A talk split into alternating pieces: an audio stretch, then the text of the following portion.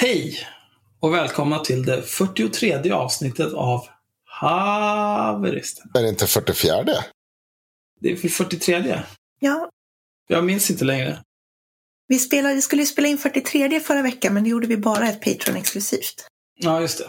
Senaste avsnittet vi publicerar är avsnitt 42, Meningen Ja, med livet. okej. Mm. För övrigt, alla som inte fattar den referensen, sluta lyssna på den här podden genast.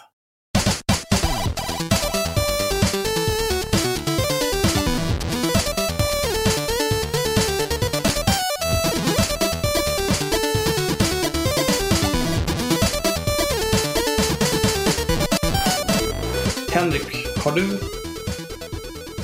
avsnitt 42, Meningen med livet? Är det Vadå? He- Henrik? Ja. Har du Meningen med livet 42? Är du? Du? Är du? Har du läst Liftans guide till galaxen? Ja, alltså i 42, numret 42. Ja. Ja. Ja. Att det är numret som är meningen med allt. Ja. Ja. Livet, universum Ja. och allting. Ja. ja. Då så. Det är en mycket bra bok. Alltså, jag är så extremt glad över hur meningslöst allting är i den. ja så du skulle testa mig om jag Jag kunde. ska testa dig. Jag vet inte. Du- Vi behöver inte lägga ner podden idag heller. Men när jag såg det fattade jag inte referensen först. Nej. Nej. Alla borde läsa den boken. Den är mycket bra. Alltså det är en trilogi som är fem böcker. Ah, Jo, man ska Ah. läsa alla fem. Ja, jaha. Mhm. ah, ah, man kan. Man kan om man vill. Jag har i och för sig inte läst den på typ 25 år. Så att... Man kan även läsa Dirk Gentlys holistiska detektivbyrå. Som Om man är... kan se serien på Netflix. Ja, om man inte orkar läsa böckerna. Böcker, de är ganska roliga. De är mycket flummigare än till galaxen. Jag har inte läst dem och jag har inte sett serien heller, men jag utgår Nej. ifrån att det är bra. Man kan också se filmen eh, till galaxen med Martin Freeman och eh, vad fan heter han? Han, pojken. Pojken, rapppojken. Rapppojken som är bra. Kom igen, kom igen. Nej, jag Ingen vill se. bryr Jag sig. vill se vad det kommer med det här. Åh gud, jag får eh, hjärnblödning. Ja, jag kommer på det sen. I alla fall, eh, jag heter Axel. Jag jobbar med data. Myra heter Myra och hon eh, jobbar med influencing och föreläsning. mest, mest att skriva faktiskt, men ja. Alltså, jaha, jaha, du är skribent. Ja, ja. Mm. Kulturskribent tror jag var senaste titeln jag fick. Och föreläsare i sexualfrågor har jag också fått på senaste. Åh herregud, vilken jävla kränkning. Jag har så många titlar. Det här är nämligen en ny grej eh, som jag eh, lärde mig från eh, Historiepodden idag. Skratta du! Eh, att man kanske då och då ska presentera sig själv igen. Mm. Eftersom, eh, Åh, jag vet var du är någonstans i historiepodden nu. Du är långt bak du. ja, Långt bak. Ja. ja, det är det. Nej, men för att man, eh, nytillkomna lyssnare, eh, kanske inte orkar lyssna på all gammal skit. Och det är ju helt irrelevant när man gör en podd som vår och inte pratar om rykande inaktuella ämnen som de gör i Historiepodden. Nej. Mm. Eh, så därför tänkte jag, jag orkar inte prata om mig själv särskilt mycket. Jag känner att jag fick nog av det när jag fick berätta om alla orättvisor gällande mitt grafikkort i förra avsnittet. Mm. Men kul att, du kunde, kul att du kunde presentera mig också. Nej, men jag, kommer, jag skulle precis komma till det. Alltså, du är som kuk. Henrik är fackpamp. Mm. Tack. Nej, du, du är sosse och eh, Ombudsman. Facklig förhandlare. Mm. Ja. kan man säga. Han tjänar alldeles för bra för att kallas för någonting annat än fackpamp. Ja. Men jag är ju konsult i och för sig. Mm. Det är ju... Henrik tjänar ju typ lika mycket som du gör. Eh, det tvivlar jag starkt på. Jag tjänar Jag tjänar mer. nämligen oerhört mycket pengar. Jag tjänar mer än Axel. Det är så jävla orimligt. Alltså vi måste bränna ner sossarna och alla fackförbund. Jo, men det, det, De först och främst, innan pengar. du ska bränna sossarna för att jag tjänar bra, så kan du ju börja med att jag inte är anställd av sossarna. Och, och alla fackförbund, Ja, sa jag. Men Det är sossarna samma skit. har inte med det att Det göra. är samma skit. Hela arbetarrörelsen och sossarna, det är bara en massa, det är en sekt alltihopa. Jag, jag vidhåller att jag tjänar mest i den här podden. Men jag tycker inte vi ska gå in på siffror för jag vill inte skämma ut er. Jag är den enda som på riktigt tror jag har föreslagit att vi ska ha en lönesänkning inom, eh, till mitt fackförbund. För övrigt. Fan vad sjukt. Mm. Fast du är ganska glad att det inte har gått igenom. Det är ju bara godhetssignalering. Nej, nej, nej, nej, absolut inte. För det är första gången jag nämner och det var två år sedan. Då ska jag nog göra det i någon större sammanhang. För det var ingen som tyckte att jag var särskilt god när jag gjorde det. Det fanns inga, det fanns inga positioner att vinna på att säga det högt på ett fackmöte. Nej, alla andra tänkte, nu sitter Henrik där och är kommunist igen. Tänk om man kunde hålla käft istället. Men det hedrar dig att du förstår att du är överbetald i alla fall. Mm. Det tycker jag är fint. Mm. Men det är apropå att tjäna pengar. Det var precis därför jag ville prata om det här ämnet. Det är det enda som glädjer mig med det här ämnet. Eh, våra gamla vänner, Ingrid eh, Karlqvist och Daniel Konrad Frändelöv. Får jag säga en sak innan du gör det? Jag vill, bara, jag vill kommentera en snabb sak. Jag, jag ber om ursäkt, jag ska få ta om det här. Ja, ja, Det är inte, ja, ja. jag sa inte nödvändigtvis att jag var överbetald. Jag, sa, alltså jag tyckte att det, min argumentation var att det var för stor. Det var för Jag, det stor differens mellan dem jag företräder och eh, eh, mig själv. jag, men jag, jag, jag, men jag vet, men jag säger att du är överbetald. Ja, det får du gärna göra. Men jag säger att det var inte min argumentation där och då. Jag hade absolut kunnat haft den här för att det finns, jag, jag har sett ombudsmän som går på knäna och som förtjänar varenda jävla krona de gör. Jag går inte på knäna, det är inte någonting jag vill springa ut och påstå att jag gör. Och jag säger inte att jag är världens bästa ombudsman eller ens världens sämsta ombudsman. Jag säger bara att du kan absolut göra det förtjänt av den här lönen, men jag tycker att det ska finnas en, ett rim och reson mellan dem du företräder och eh, dig själv. Mm. Ja. Du tjänar mer än en vänsterpartistisk riksdags... Eh, för, Det är jag faktiskt inte säker på att jag gör. Jag tror inte jag gör det. Nej, jag gör, Jo, det gör nej. Det gör du. 30 har de. Nej, de betalar Du har mycket de, mer de har väl 60 någonting i lön och så betalar de Nej. Jo, men de, allt, allt över 30 betalar de till sig. Nej, de har en procentsats på det. Det tror jag inte. Jo. Ja. Okej. Eh, Vänsterpartiet partiskatt. Mm. Vi reder ut det här på en gång. Mm. Gör det. Åh. Eh, många politiker bla bla bla bla, de flesta bla bla bla bla bla bla bla. Idag uppgår riksdagsledamöternas grundarvode till 65 400 kronor i månaden, vilket är ungefär dubbelt så mycket som medelinkomsten i Sverige. De vill sänka bla bla bla bla bla. Eh, vi tycker inte att politiker ska leva i en egen verklighet långt från vanliga medborgare. Det är också därför vi har en partiskatt för alla våra företrädare. Den gör att oavsett hur högt arvode ett visst uppdrag har, till exempel att sitta i riksdagen, så får en företrädare för Vänsterpartiet inte ut mer än 28 400 kronor i månaden. Du har alltså ganska mycket Det är i och för sig, ja, men det är 28 400 efter skatt. Så runt 37, 38 före skatt. Okej, då, du har mer. Nej, här. Det motsvarar en månadslön på cirka 37 900 före ja, skatt. då tjänar de mer än mig. Ja. Sen när då? Men de, de får ut 28 Eller du 000. Jag får aldrig ut 28 Ja, 000. men 37, ja, men 37 innan skatt sa de ju. Men då sa jag att de får aldrig ut mer än 28 000.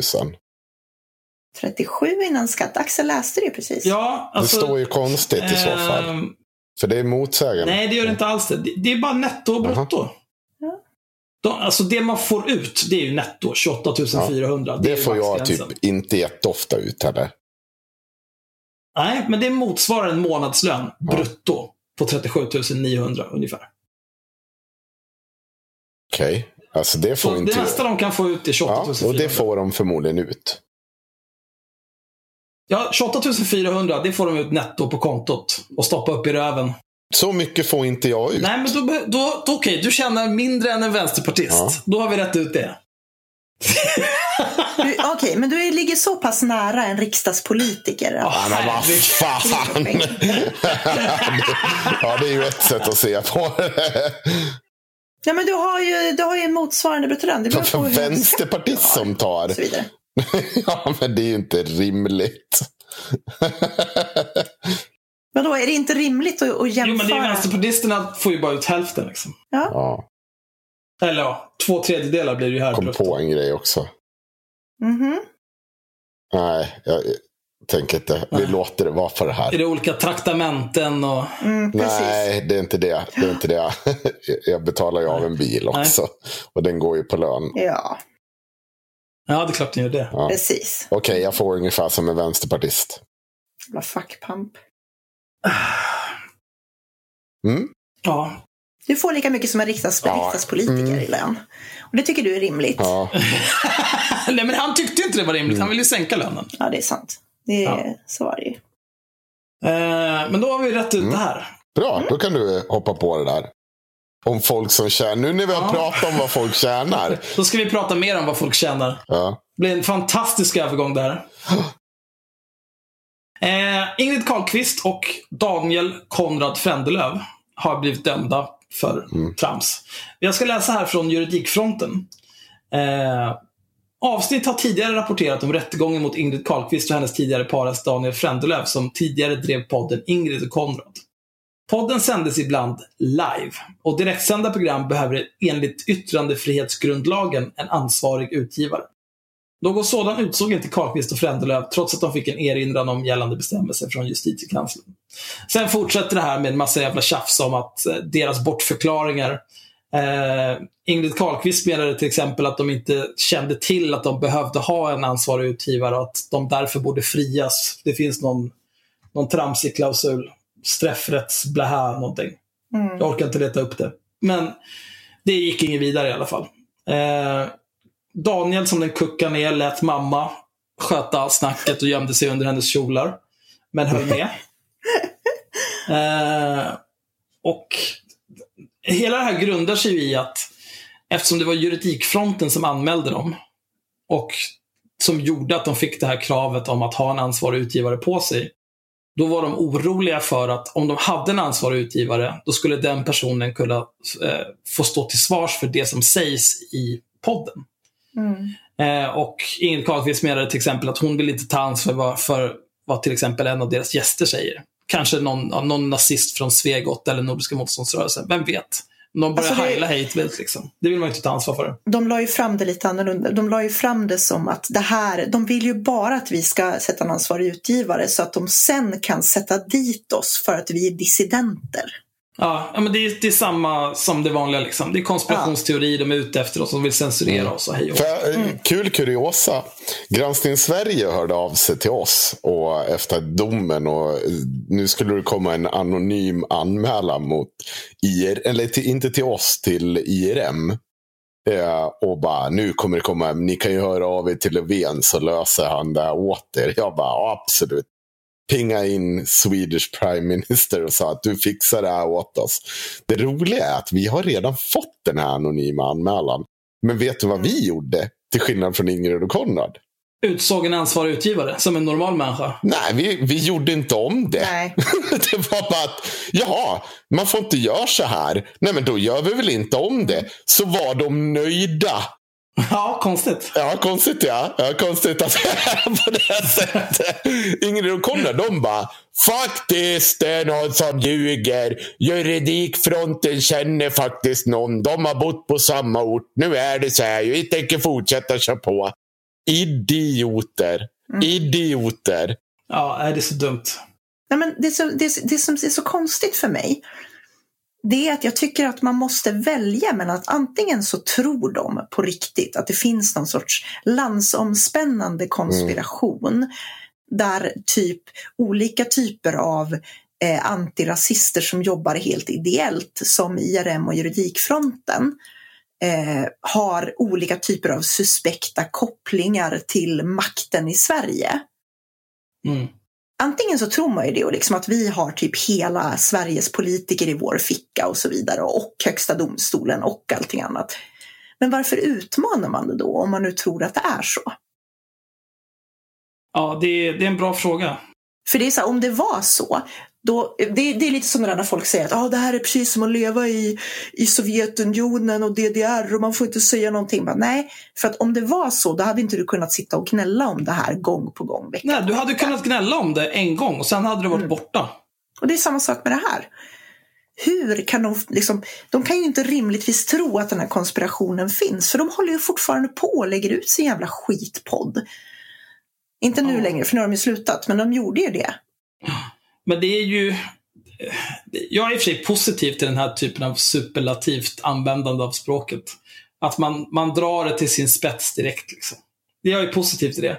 Men eh, inte i sådana här fall när man låter göra gällande att det faktiskt ska finnas någon typ av konspiration. Även om det inte är så här att vi lever i Sovjet. Utan ja, men den här personen har kopplingar till den här personen som var barnvakt till den här personens någonting. Bla bla. Och det är liksom så här extrema långa eh, relationsförbindelser. Och, Ja, men typ nämndemannen hade gillat Lykke-Li på Facebook så därför måste den vara vänster och hata SD och så vidare. bara rent vansinne. Mm. Det, det tycker inte jag är särskilt givande. Nej men det är det jag menar, att, att tror man att det är sant men man fortfarande fem år senare sitter och gör samma skit, då måste man ju börja ifrågasätta att det kanske inte finns någon jättestor konspiration eftersom jag fortfarande får sitta och göra de här dumma grejerna. Nej. Nej, men i övrigt liksom, om man till exempel i, i konversation med en tredje part vill konstatera att någon eller några är horungar som förtjänar nackskott när man menar att de kan dra åt helvete för att de är apjävlar. Det tycker jag är en helt Mm. rimlig grej att säga. Det är superlativt och bra. Men det som är kul här, eh, apropå inkomster, det är att de dömdes till 60 dagsböter vardera. Eh, Ingrid Carlqvist skrev sen på Twitter att det för hennes del blev 13 000. Eh, men då var det inkluderat advokatkostnader tydligen. Eh, Daniel Konrad Frändelöv däremot. För honom så blev det 3 000 kronor. Och då kan man ju räkna lite snabbt. Vad är 3 000 kronor delat på 60? Ja, det är 50 kronor.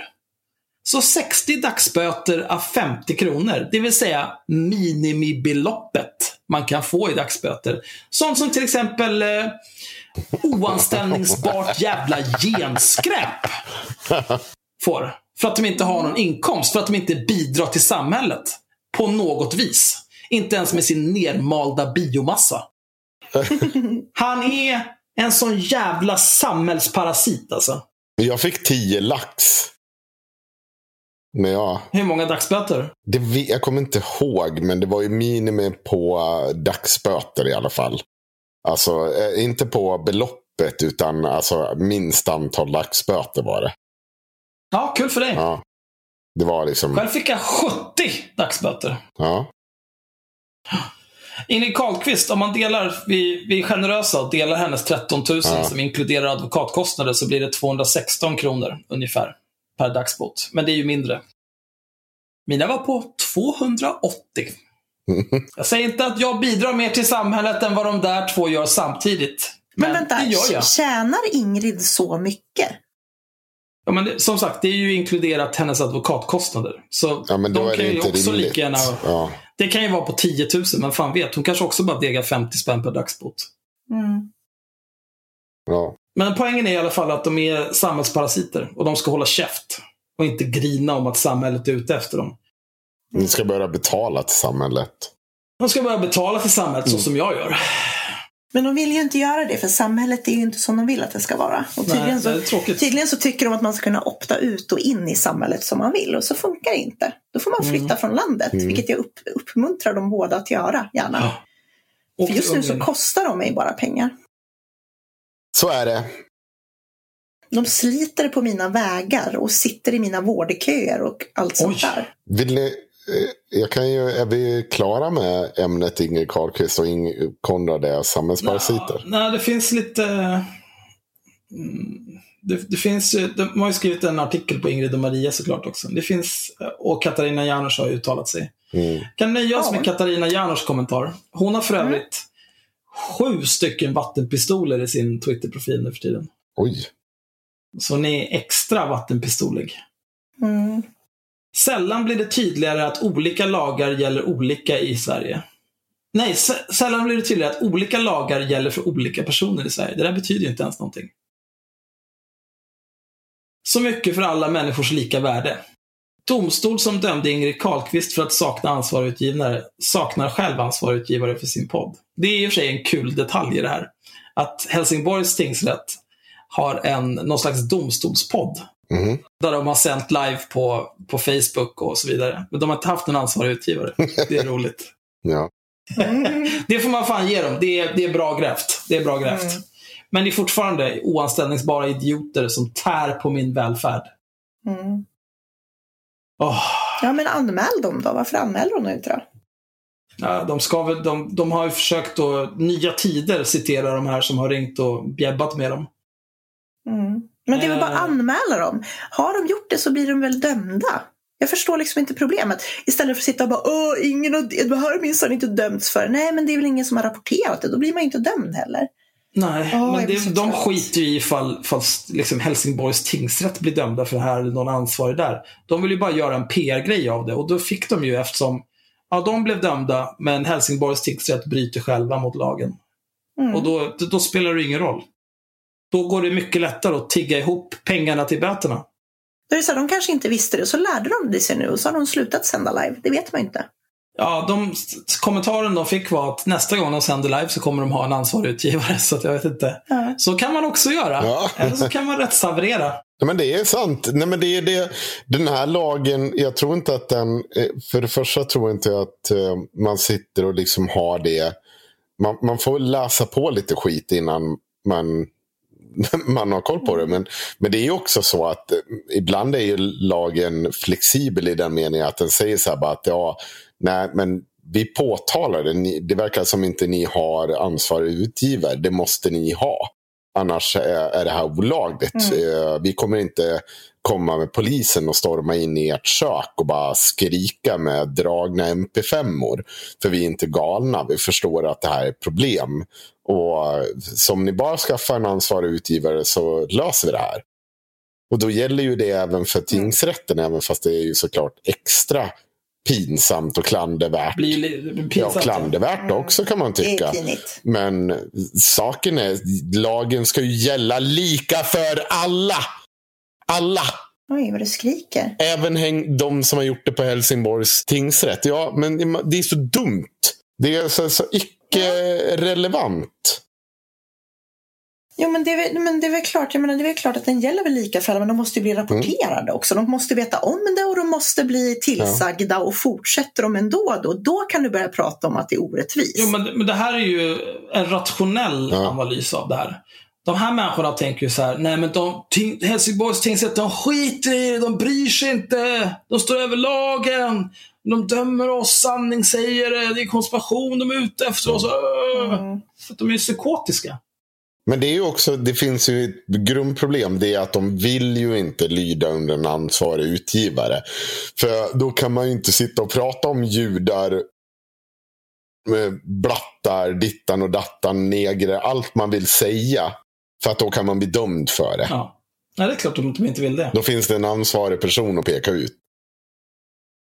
Jo, fast om du sitter och säger i din podd, om Ingrid Carlqvist sitter och säger i sin podd att eh, alltså om hon, hon kan göra sig skyldig till hets mot folkgrupp i en Ja, podd. det är klart de kan, men, men hon, hon, hon kan inte, om det inte finns en ansvarig utgivare, då är det svårare att pinna det på Ingrid Carlqvist om någon annan säger det. Det är ju det live-grejen handlar om. Jo, jo, men och det är ju rimligt. Du tar liksom. ansvar för de som kommer in. Mm. Ja. Och det är ju rimligt. Och det finns till och med en, ett undantag Mm. för det. Eh, Samhällsmagasinet avsnitt kan konstatera att vissa särregler finns rörande direktsändningar som gör att ansvarig utgivare kan undgå ansvar för direktsända uttalanden av tredje man. Bla, bla, bla. Mm. Ja, men det, det är ju ganska logiskt. Jag menar, annars så skulle du kunna, tänk om typ, säg SVT går och gör en direktsändning från ett ställe och så ska fråga de någon på plats och så börjar den personen bara skrika och heila i direktsändning. Jag menar, det kan ju inte SVT ta ansvar för Nej, om det sker i Det är direktsändning. rimligt. Men däremot bjuder du in en person som gör det. Och inte stoppa den personen sen och liksom säga att nej, nu får du gå härifrån. Det här står inte vi för. Ja, precis om du sitter och Ja. håller med liksom och sen sänder det. Eller om du, ja, Ja. Skit samma. Är vi klara med det här? Nog om det. Vill göra en Ja, vi- liten push för att ni som fortfarande inte är Patrons så kan ni höra vårt eh, eh, Patreon-exklusiva material om just Inger Karlqvist och hennes eh, nyblivna eller nyfrälsta eh, förhållning till att, Hennes ja, crush. till att Palme inte egentligen blev mördad utan att han dog i bögpesten i Frankrike. Efter att blivit utflugen Mm. från Dala Airport. Det kan ni ju lyssna på. Eh, Och mycket mer. Jag tycker att det låter som en mycket trevligare eh, Ja. sätt att dö på faktiskt. Jag tror att jag hellre skulle dö i bögpest i Frankrike, helt nerknarkad, eh, än att bli skjuten när jag är på Ja. väg hem från bion. Ja, leva sina sista dagar som en jävla dandy och bara ramla omkring på Rivieran. Men gott. framförallt Ja. så kan ni också lyssna på den helt eh, färska, vad sa du, från grillen-avsnittet. Nygrillade. Nygrillade avsnittet om Elaine Eksvärd och när hon tar ställning för att en pojke ska skickas tillbaka till ett, eh, av allt att döma, Psykfall. Ett psykfall. Och därmed också kanske faktiskt, ja, vad säger man, skada en människa. Det, finns något finare ord. Utsätta en människa för fara. Hon utsätter ju pappan i fallet för eh, ringaktning, kan man väl Mm. säga. Mm. Och med tanke på att, ja. Ja, Det är, det är extremt klandervärt beteende, så som vi så ofta diskuterar här. Ja. Och på tal om klandervärt beteende. Eh, Vad trevligt. Geller Tamas. Laven Motadi. ja. Spännande personer. ja, de är klandervärda båda två. Ja, framförallt är jag, eh, eh, jag, jag skulle säga att både Expressen och ja, vad heter de, medievärlden är klandervärda. För det här är en märklig historia, minst sagt. Är det någon av er som vill göra en recap? Vad som har hänt? Varsågod. Ska jag göra? Varsågod. Oj, det var jag. Ja. Det är, bara, det är du som vill prata om det. Så då får ja, det här är ju ditt ämne. Du. Jag tänkte försöka involvera människor i det. Ja, men det är okej. Jag har saker att säga. Ja, ja, worry. Hur som haver, det hela börjar med, egentligen i grund och botten handlar det om att Lave Motadi eh, har skrivit en bok om, eh, vad heter hon, Katarina Taikon. Eh, och eh, har gått igenom hennes liv, jada jada jada, spola fram till Vilka är Ja, de här är två ju- personerna? eh, Ja, men Du det är ju, Lave. Motadi är en författare. Och Gelle Tammas är Mm. också en författare, men också, eller skribent åtminstone. Jag vet inte om var författare, men filmskapare och lite allt i allo. Han har varit i ropet i en massa olika typer av både texter om Sverigedemokraterna, eh, gjort Mm. film och allt möjligt. Jag vet inte vad han vill kalla sig själv. Hur som haver. Eh, Mm. Någonstans eh, hade hon skrivit tillbaka. Hon, 2012 skriver Navi Motadi klart sin bok om Katarina Taikon. Och eh, därefter blir hon kontaktad av Geletamas som vill göra en film om det här. Och hon tycker hon är lite så här äh, restriktiv. Eller hon beskriver sig själv som att hon är restriktiv mot det här beslutet. Hon börjar tänka efter och fråga om folk. Men hon tycker att Gede Tamas verkar vara en sån jävla toppenkille. Så att till slut bestämmer hon sig att tillsammans med honom göra den här filmen då om Katarina Taikons liv. En film som släppte idag vad jag har förstått. Jag har inte sett den här filmen. Eh. Jag, jag, jag vet inte så mycket Inte om den. Men boken är väldigt hyllad och hennes engagemang för romers hus. Alltså hon är ju en sån här människa.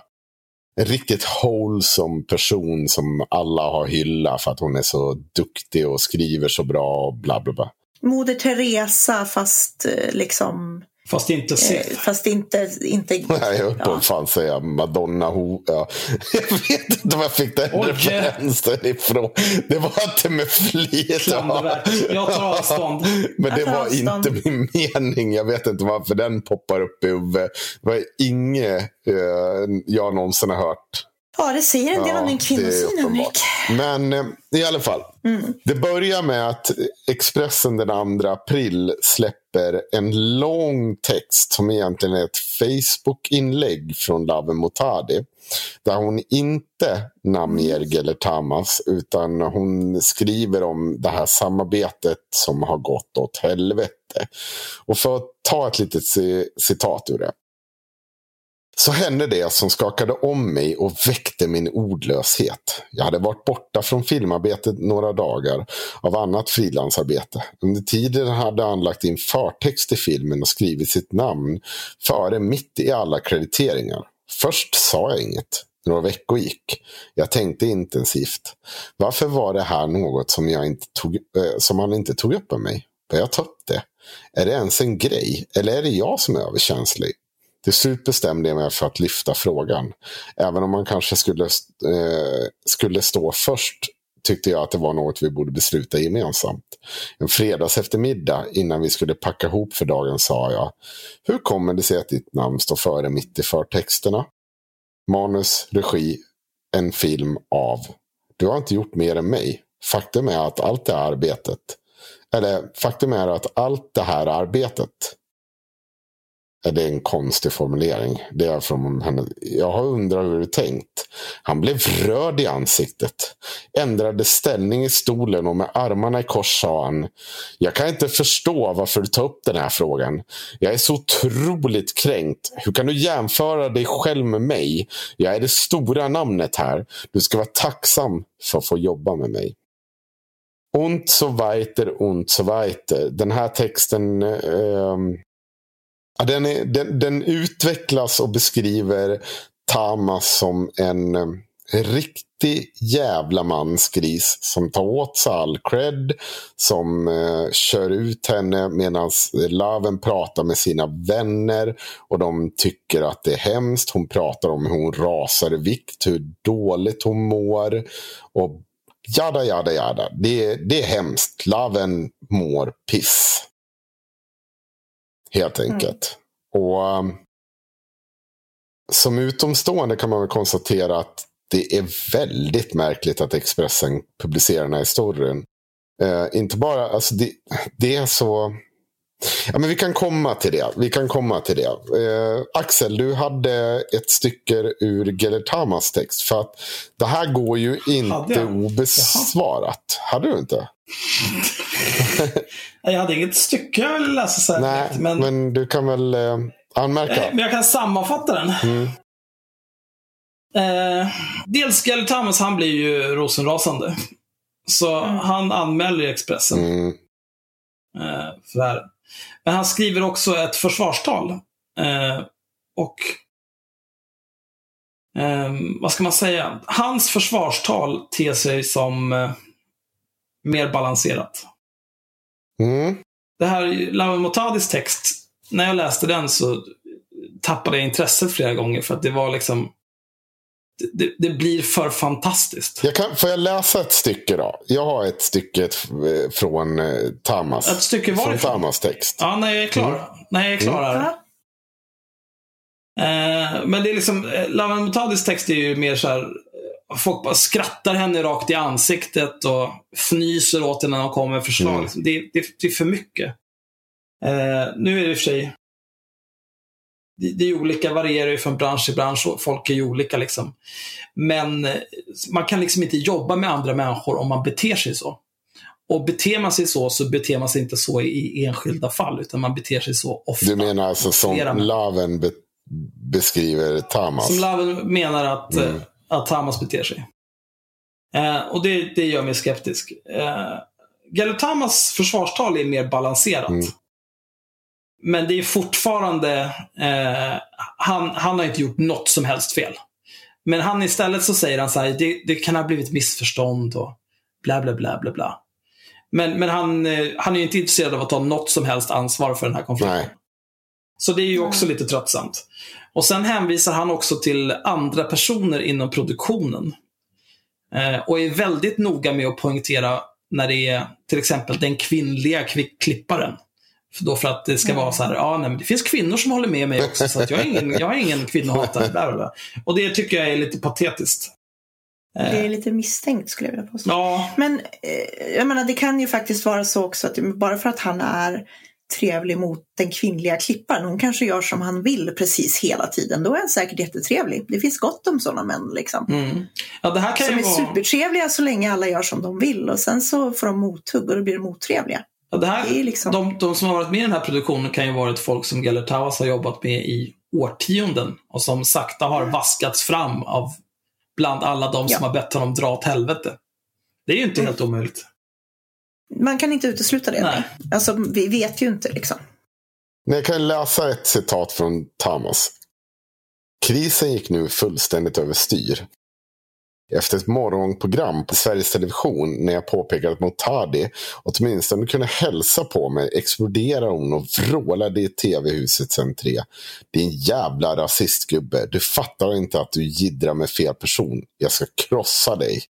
Kanske hade detta varit intressant för Expressen att ta upp.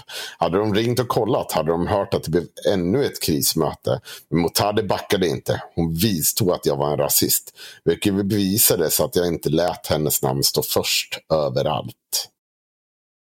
Eh, och sen skriver han så här. Arbetsplatskonflikter kan som sagt vara oerhört svåra och sårande. Motadi skriver i sitt Facebook-läge hur hon gick i terapi efteråt. Det var knappast något projekt som inte, eh, det var knappast någon i projektet som inte mådde dåligt. Om detta kan alla vittna.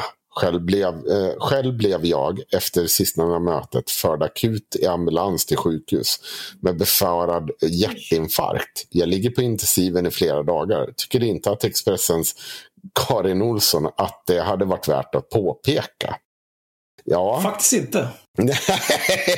nej, nej. Och det, det, det, det är därför jag också vänder mig lite mot hur du ser på den här texten, Axel.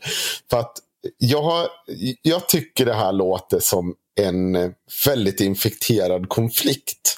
Ja, så kan man säga. Extremt infekterad konflikt. Som det ingen av parterna är på det minsta eller liksom nyanserade i vad de skriver. För att det här med att han ska åka till akuten i befarad hjärtinfarkt. Ja, men det är ju helt Alltså, irrelevant. Vad fan bryr sig? Men det låter ju helt så här bara. Jag vet. eh, Ja, det, det är mycket. Jag vet att. Ja, det är väldigt mycket. Och jag har inte problem. Han, han hänvisade ju också, precis som Mira påpekar, att, till massa vittnen. Och jag har också stött på det där. Men jag väljer nog också att avvakta tills de här vittnena träder fram med sina egna berättelser. För kom ihåg nu att vi har just i det Patreon-exklusiva materialet eh, sett och diskuterat att det hänvisas till massa experter och sånt som ska Oberoende styrka, experter, ja. som ska styrka den här mammans övertygelse. De skriver på samma sätt. Det finns Mm. de här personerna. Och i ärlighetens namn, jag har inte sett någon av dem träda fram Nej, det har de ju inte gjort. om det här vore på det här sättet så får jag känslan av att det borde ha skett. Och Jag vill att alla som Men- lyssnar nu också förstår att jag tar inte sida för Laven Motadis berättelse av det här också, bara för det. Men jag tycker att det här försvarstalet, bara för att du sitter och hänvisar till folk i media, det är fan ingenting som ger styrka. Då ska fan de här personerna skriva under på artikeln. De ska ha valt att backa upp honom i det här. Då Mm. hade det varit lite mer trovärdigt i min värld. Ja, Jag håller med om att, det, att hänvisa till anonyma personer är ganska ointressant. Men det finns Ja. en markant skillnad i det här och det vi pratade om i Patreon-avsnittet. För där var det en oberoende expert som hade kallats in för att göra en sak och borde då rimligtvis vara intresserad av att prata om det. Medan här har vi folk som blir Ja, men det har- indragna- den personen hade gjort det indragna också. Hade? Nej, det var ju ingen som ville prata om det. Men skitsamma. Men, men här är det också att, här, vem fan vill bli indragen i den här skiten? Mm. Va- varför skulle någon säga ja, Gellert har rätt, precis så här var det. Varför ska man dra på Ja, sig precis, det? man vet ju inte. Det är ju precis det, jag menar, alltså, det är precis det jag menar. Att jag, alltså, så här, du kan ju bara tala för hur den här personen har betett sig mot dig. Ja. och du, det, alltså det, när det är en sån här uppenbar konflikt mellan två individer så blir det väldigt svårt för dig att gå ut och säga nej men jag kan säga att han inte skulle ha betett sig så här. Om det är någon som du bara jobbar med, fine om det är någon som du känner jättebra. Men det är ju så här om, man, om, om Gellert ljuger. Han mm. nämner ju sex, sju personer som var med i produktionen. Mm. Han tar ju en risk. Ja, det gör han. För, för liksom, det är ju inte svårt att kolla upp vem, som, vem den kvinnliga klipparen till Katarina Taikon-filmen var. Nej. Om han då menar att hon håller med honom, det kommer ju skapa problem för honom om hon inte gör det.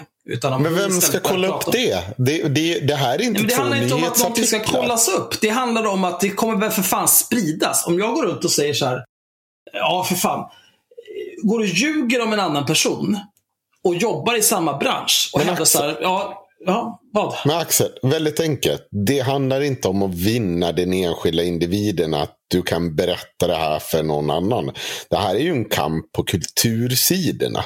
Det här är ju en kamp inför allmänheten. Jo, det här det är ju, allmänhetens det är ju kamp inom kulturvärlden också. Om Gellert Tamas går runt och säger mm. ja den här personen backar upp mig om, om mina påståenden gällande Laven Motadi. Om den personen då inte gör det så kommer mm. den personen säga till alla andra Gellert Tamas är en psykotisk jävla lögnare. Men fast det gör inte människor. Så funkar inte människor generellt Axel.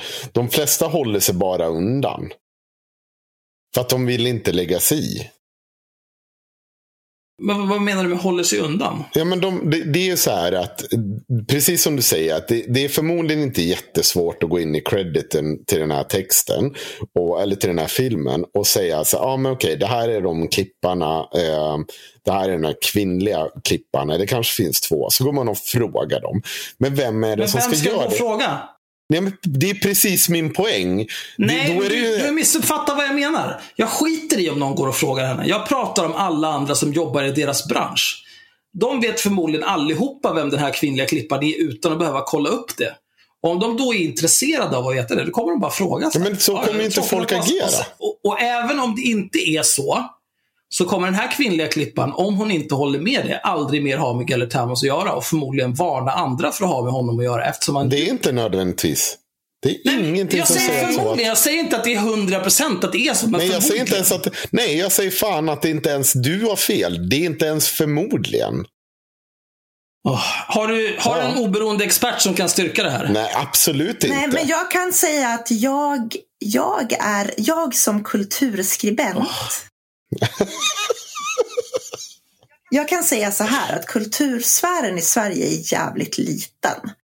Eh, titta på Örjan Ramberg som exempel nu när vi har haft hela Brinn för Josefin. Det är ingen som har gått ut mot honom i media. Liksom. För att vara, därför att, han, därför att vi, alltså den kultursverige värnar om sina manliga genier, eller sina genier överlag, inte bara män. Eh, och då är det så här att är du klippare då, då är du beroende av att det finns en kreativ kraft. Och de här kreativa genierna, quote unquote, de får göra lite hur fan de vill och komma undan med det. I så fall tycker så jag att vi ska förbjuda kultur i Sverige. Ja, det är rimligare än att säga att man ska göra en jävla ljusmanifestation utanför Dramaten i alla fall. Det skulle lösa fler problem. Om man nu vill ha bort den här typen av kultur. Alltså inte som i kultur utan som i typ social kultur. Fan, han, eh, Alexander Karim skrev ju någonting om att han aldrig mer ska jobba med gubbslem. mm. Apropå Örjan. Jag undrar om, om liksom, jag tror, jag tror inte han tänker att någon kommer att liksom sitta och hålla koll på vilka han jobbar med framöver. Oj, du misstror honom alltså? Jag gillar inte män. Men poängen är så här. Eh, vi, vi är överens i det här, tror jag, att det här är typ Sveriges, alltså på länge, mest alltså, märkliga publiceringar. Alltså det är ju en, att man drar, dels tar eh, Lave Motadi först och bara plockar in henne på hennes Facebook-inlägg som faktiskt inte pekade ut Gellert Tamas. Men nu är det liksom out in the open. Eh, att man bara gör det. Och, och det hon säger om honom, det är ju bara mer så här. Han har tagit fronten i mitt projekt. Det som man bara, ja, det är ju klandervärt. Men är den diskussionen... Det är en HR-fråga. Ja, det, det är liksom så här. Är det här en fråga för kultursidorna? Är det för att han, det han har en poäng i, det, han blir ju totalt Totalt jävla sönderkörd. Även om det inte handlar om att han har våldtagit någon eller på något sätt på riktigt brott. Om den här historien skulle få stå sig utan svar så skulle ju man hoppas att kultursverige beter sig rimligt och säger att dig tänker inte vi jobba med. Du ska inte in här något mer. Det här är ju, du kan inte göra det här och det här. Och det är förmodligen också önskvärd effekt från Lave Motadi. Att man liksom ska varna folk för att den här personen kan bete sig illa mot dig. I form av att du får inte cred på det. Du får inte stå först på listan. Och ni kan ha olika typer av konflikter. Men det är ju också så här, Det är HR, precis som du sa Axel. Vad håller ni på med? Men och det här är ju...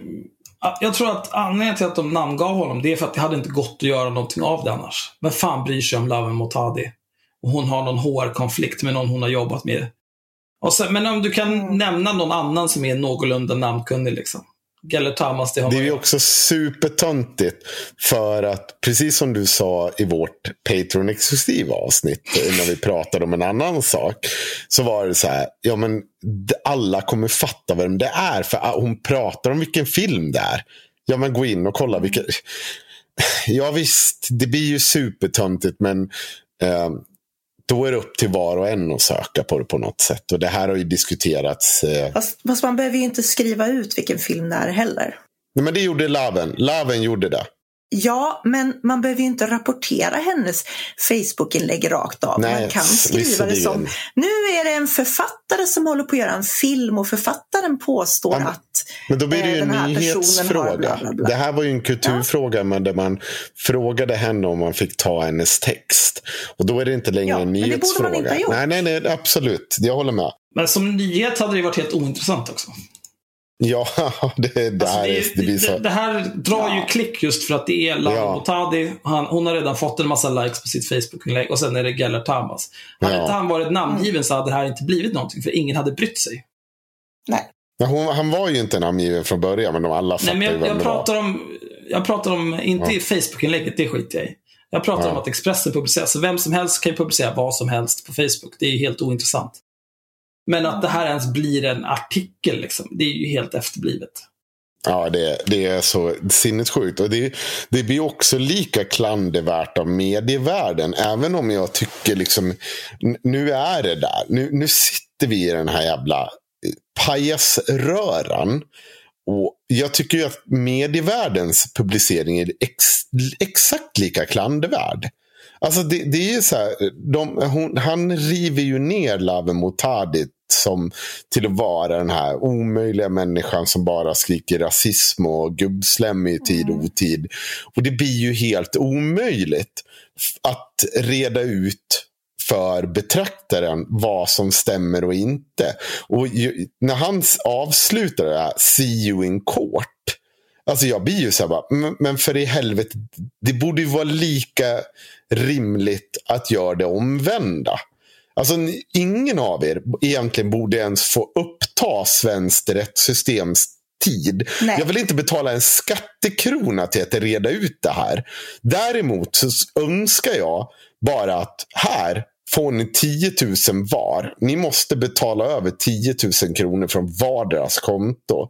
Nu har ni kukat ur Eh, det här, nu, nu lägger vi det här bakom oss. Både medievärlden och Expressen går ut och säger så bara, det här var nog fan inte så jävla bra publiceringar. Och så går man vidare med sitt liv. Ja, eller bara ge dem varsin kniv, skicka in dem i ett rum och säga åt dem att ja, ja, det... det här är ju... Men det här är liksom två shit tio kulturarbetare som hamnat i någon slags bumfight. Och av ja. outgrundlig anledning så har det fått en massa publicitet. Det är... Ja, man blir vansinnig. Ja. Alltså, så här, jag lyssnar på P1 när Karin Olsson försvarar. Hon liksom tycker ingenting är fel med den här publiceringen. Och man bara, ja men ni har ju liksom efter metoo och sånt har ni haft diskussioner om det här. Nej, nej men det här är en annan sak. Man bara, nej men alltså, sluta det är inte en annan ju... sak. framförallt så kan man ju fråga sig vad fan är nyhetsvärdet i det här? För någon utanför kulturvärlden i Sverige, liksom. alltså kultursverige. Är det någon som bryr sig? Vi, alltså jag kan tänka mig att det har fått mycket spridning för att det, är, det berör ämnen som folk känner igen sig i. Alltså, det, det, båda parterna, de som känner sig oförrättade till de som känner sig liksom, ö, ha, utsatta av ett eh, övergrepp av en man. Båda känner ju igen sig och tar gärna sida i det. Det, det, är liksom... det, är för att det, det är för att det är namngivna personer. Ja, men då finns det ett ny, nyhetsvärde i, det finns ett nyhetsvärde i en anonymiserad historia också. No, fast jag tycker alltså allting som väcker känslor hos folk har inte ett nyhetsvärde. Oj. Fast nyhetsvärde, vänta, vänta, vänta nu. Är inte nyhetsvärde väldigt mycket i att väcka känslor hos folk? Nej. Ja, jag tycker att det mer handlar om att rapportera om saker som har hänt. Eh, som, som, som, har någon typ av bäring på verkligheten. Som till exempel ja. eh, 11 september till exempel. Ja, precis. Vi har en nyhetsvärdering som gör eh, till exempel närhetsprincipen i nyhetsvärdering. Det går ju ut mm. på att eh, om det är någonting i ens närhet så väcker det mer känslor än vad det är väldigt långt bort och att man inte känner närhet till det. Det är ju en Fast det känsla. är ju för att det Nej. Det är väl klart som fan det är. Men, jo, jo, men avbryt mig inte då. Det handlar om hur mycket det påverkar dig. Anledningen är att det upplever att det påverkar dig mer. Därför att du kanske känner någon som är involverad. Så här, är det en typ... Och är det, vad är det? Liksom, vad, vad är men, det? Ah, får jag vad prata klart Henrik? Ja. Låt mig prata klart ditt jävla mongo. Eh, så här, om du har en eh, om du har en olycka på ett ställe där det är svenskar, då finns det ett nyhetsvärde för svenskar därför att det kan vara så att det har drabbat någon de känner på ett eller annat sätt. Medan du har inte ett nyhetsvärde för en, eh, en jordbävning i Indien, om, liksom, för du kan inte förutsätta att någon känner någon där. Alltså ett nyhetsvärde har ju att göra med hur mycket det kan tänkas påverka läsarkretsen. I vadå? På samma I sätt vadå? Som... Känslor? Nej, inte i känslor Henrik. Du måste ju för fan skilja på att det faktiskt har en Men, direkt bäring. Får jag fråga dig så här? Ja, väldigt enkelt. Det är väl inte så jävla stor risk att en tågolycka i Smygehuk påverkar människor i Norrland. Alltså, så det är klart att de kan ha släktingar jo, där Jo, därför att vi åker samma jävla tågbolag. Ja, absolut. Men, men det kan ju vara... Okej. Okay. Nej, men okej. Okay. Fine. Jag, jag, tror, eller så här, jag tror, min, min ståndpunkt är att det här med närhetsprincipen det går väldigt mycket ut på känslor. Det är min absoluta övertygelse. Och sen ja, okay, finns jag det så... inte med det. Jag tycker du har fel. Okej, okay. då köper jag det. Jag tycker att du har fel. Ska vi gå vidare till nästa ämne nu? Mm. Eller har vi något mer att säga om det här? Nej. Jag tycker vi ska bränna upp kultursidorna. Mm. Nej, jag tycker att det var en sinnessjuk publicering och att man...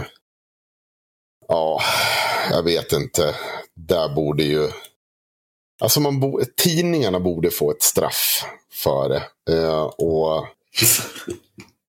Ja, det ska ju ont. Mm. Men de blev ju dömda för en massa namnpubliceringar. Ja. Under metoo. Expressen blev väl dömda för ett gäng namnpubliceringar under metoo. Ja, grejen är att jag inte är helt säker på att de här kommer bli... Jag tycker att de ska bli dömda, men det här är ju på Nej, ett annat blivit, sätt. De har ju blivit fällda i pressetiska... Jo, men, men här i det här...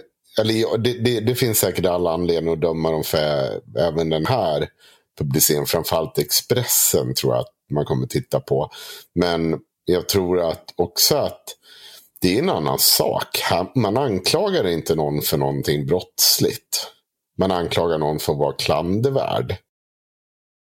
Mm. På ett sätt som är så lite oklart vad innebär. Jag tror att det kommer bli... Det kanske är svårare att bedöma. Det är som en skvallertidning ja. typ. Det, det kommer De bli... kommer undan med det mesta. Ja. Genom att säga så här. Oh, någon har sagt att det kan vara så här. Och då får man ju skriva lite hur man vill. Ja. Jag har en sak som jag vill ta upp mm. lite snabbt här bara. Mm. Har ni läst om Lena Färm eller? Vad sa du? Lena Färm, moderat i Göteborg. Nej. Det här, åh, det här är magiskt i så fall om ni inte har hört det. Nej, men det är det här som det här. Ja, ja, okej. ja. App. Mm, M-kvinnan. De flesta invandrare är analfabeter. mm. Eh, De flesta invandrare är analfabeter. De kommer inte lösa ett skit. Det skriver Göteborgsmoderaten Lena Färm i ett inlägg på Twitter. Jag menar ingenting av det jag skrev, svarar Lena Färm när GT når henne. Jävla apa! Lena Färm är andre vice ordförande i Göteborgsmoderaternas kretsstyrelse och ledamot i stadsdelsnämnden Västra Hisingen. Hon är även ersättare i utbildningsnämnden. Hisingen. Ja, vem fan bryr sig? Under gårdagen publicerade hon ett inlägg på Twitter. Det löd “De flesta invandrare är analfabeter, de kommer inte lösa ett skit”. Inlägget refererar till ett tidigare inlägg publicerat av kontot Annie Löfven. Kontot har Annie Lööf som profilbild, men är som namnet antyder inte ett legitimt konto som Centerledaren står bakom, utan ett fejkkonto. 1. Äldreomsorgen kapades med 320 miljoner i vårbudgeten. 2. Vi har cirka 2 miljoner invandrare i landet. Om alla lägger 1000 kronor får vi 2 miljarder. 6,25 gånger futtiga 320 miljoner. Vi behöver fler invandrare för att lösa våra problem, stod det i inlägget som Färm hänvisade till. Och sen kommer här ett exempel på top fucking notch krishantering. Mm. Jag menar ingenting. När GT når Lena Färm är hon ångerfull. Jag vill bara säga att det är en fullständigt vansinnigt klumpig tweet. Jag ångrar den till 100%. Jag har plockat bort den. Jag menar ingenting av det jag skrev. Hur kommer det sig att du skrev den från början? Vansinnigt illa uttryckt. Vansinnigt illa uttryckt. Jag ångrar det som sagt. Den är bortplockad. Men jag undrar hur du tänkte när du skrev den? Nej, men alltså jag ångrar den. Jag har plockat bort den. Den finns inte. Det finns ingenting mer att kommentera. Så jävla dumt. Men det här är ju 800% Lena Färm som har glömt byta konto. Han kommenterade på det här. Mm. 100%! Ja. Lena Färm, ditt jävla snusk. På tal om det, jag tänkte göra en lång rant om det. Men ni såg den här uh, vakten uh, som hade uh, hoppat på den här. Uh, eller de som hade tagit den här kvinnan, svarta kvinnan som var gravid. Och så hade DN avslöjat att han hade skrivit en massa rasistiska kommentarer på Flashback. Mm. ja, det blev ju ett sånt antiklimax. För det börjar ju med att de, den här gravida kvinnan blev liksom nedbrottad av eh, ordningsvakter för att hon inte hade färdigbevis. Och så, började, så fick de ju världens liksom kritik för det där. Eller snarare så här, de kritiserades av folk och alla jävla rassar i Sverigevän, bland Sverigevännerna satt och sa Men det här är ingen fara och skulle försvara dem. Eh, Stövelslickarna. Vilket är fine. Ja, Följ reglerna eh, så men- slipper du bli spöad i tunnelbanan över 30 spänn.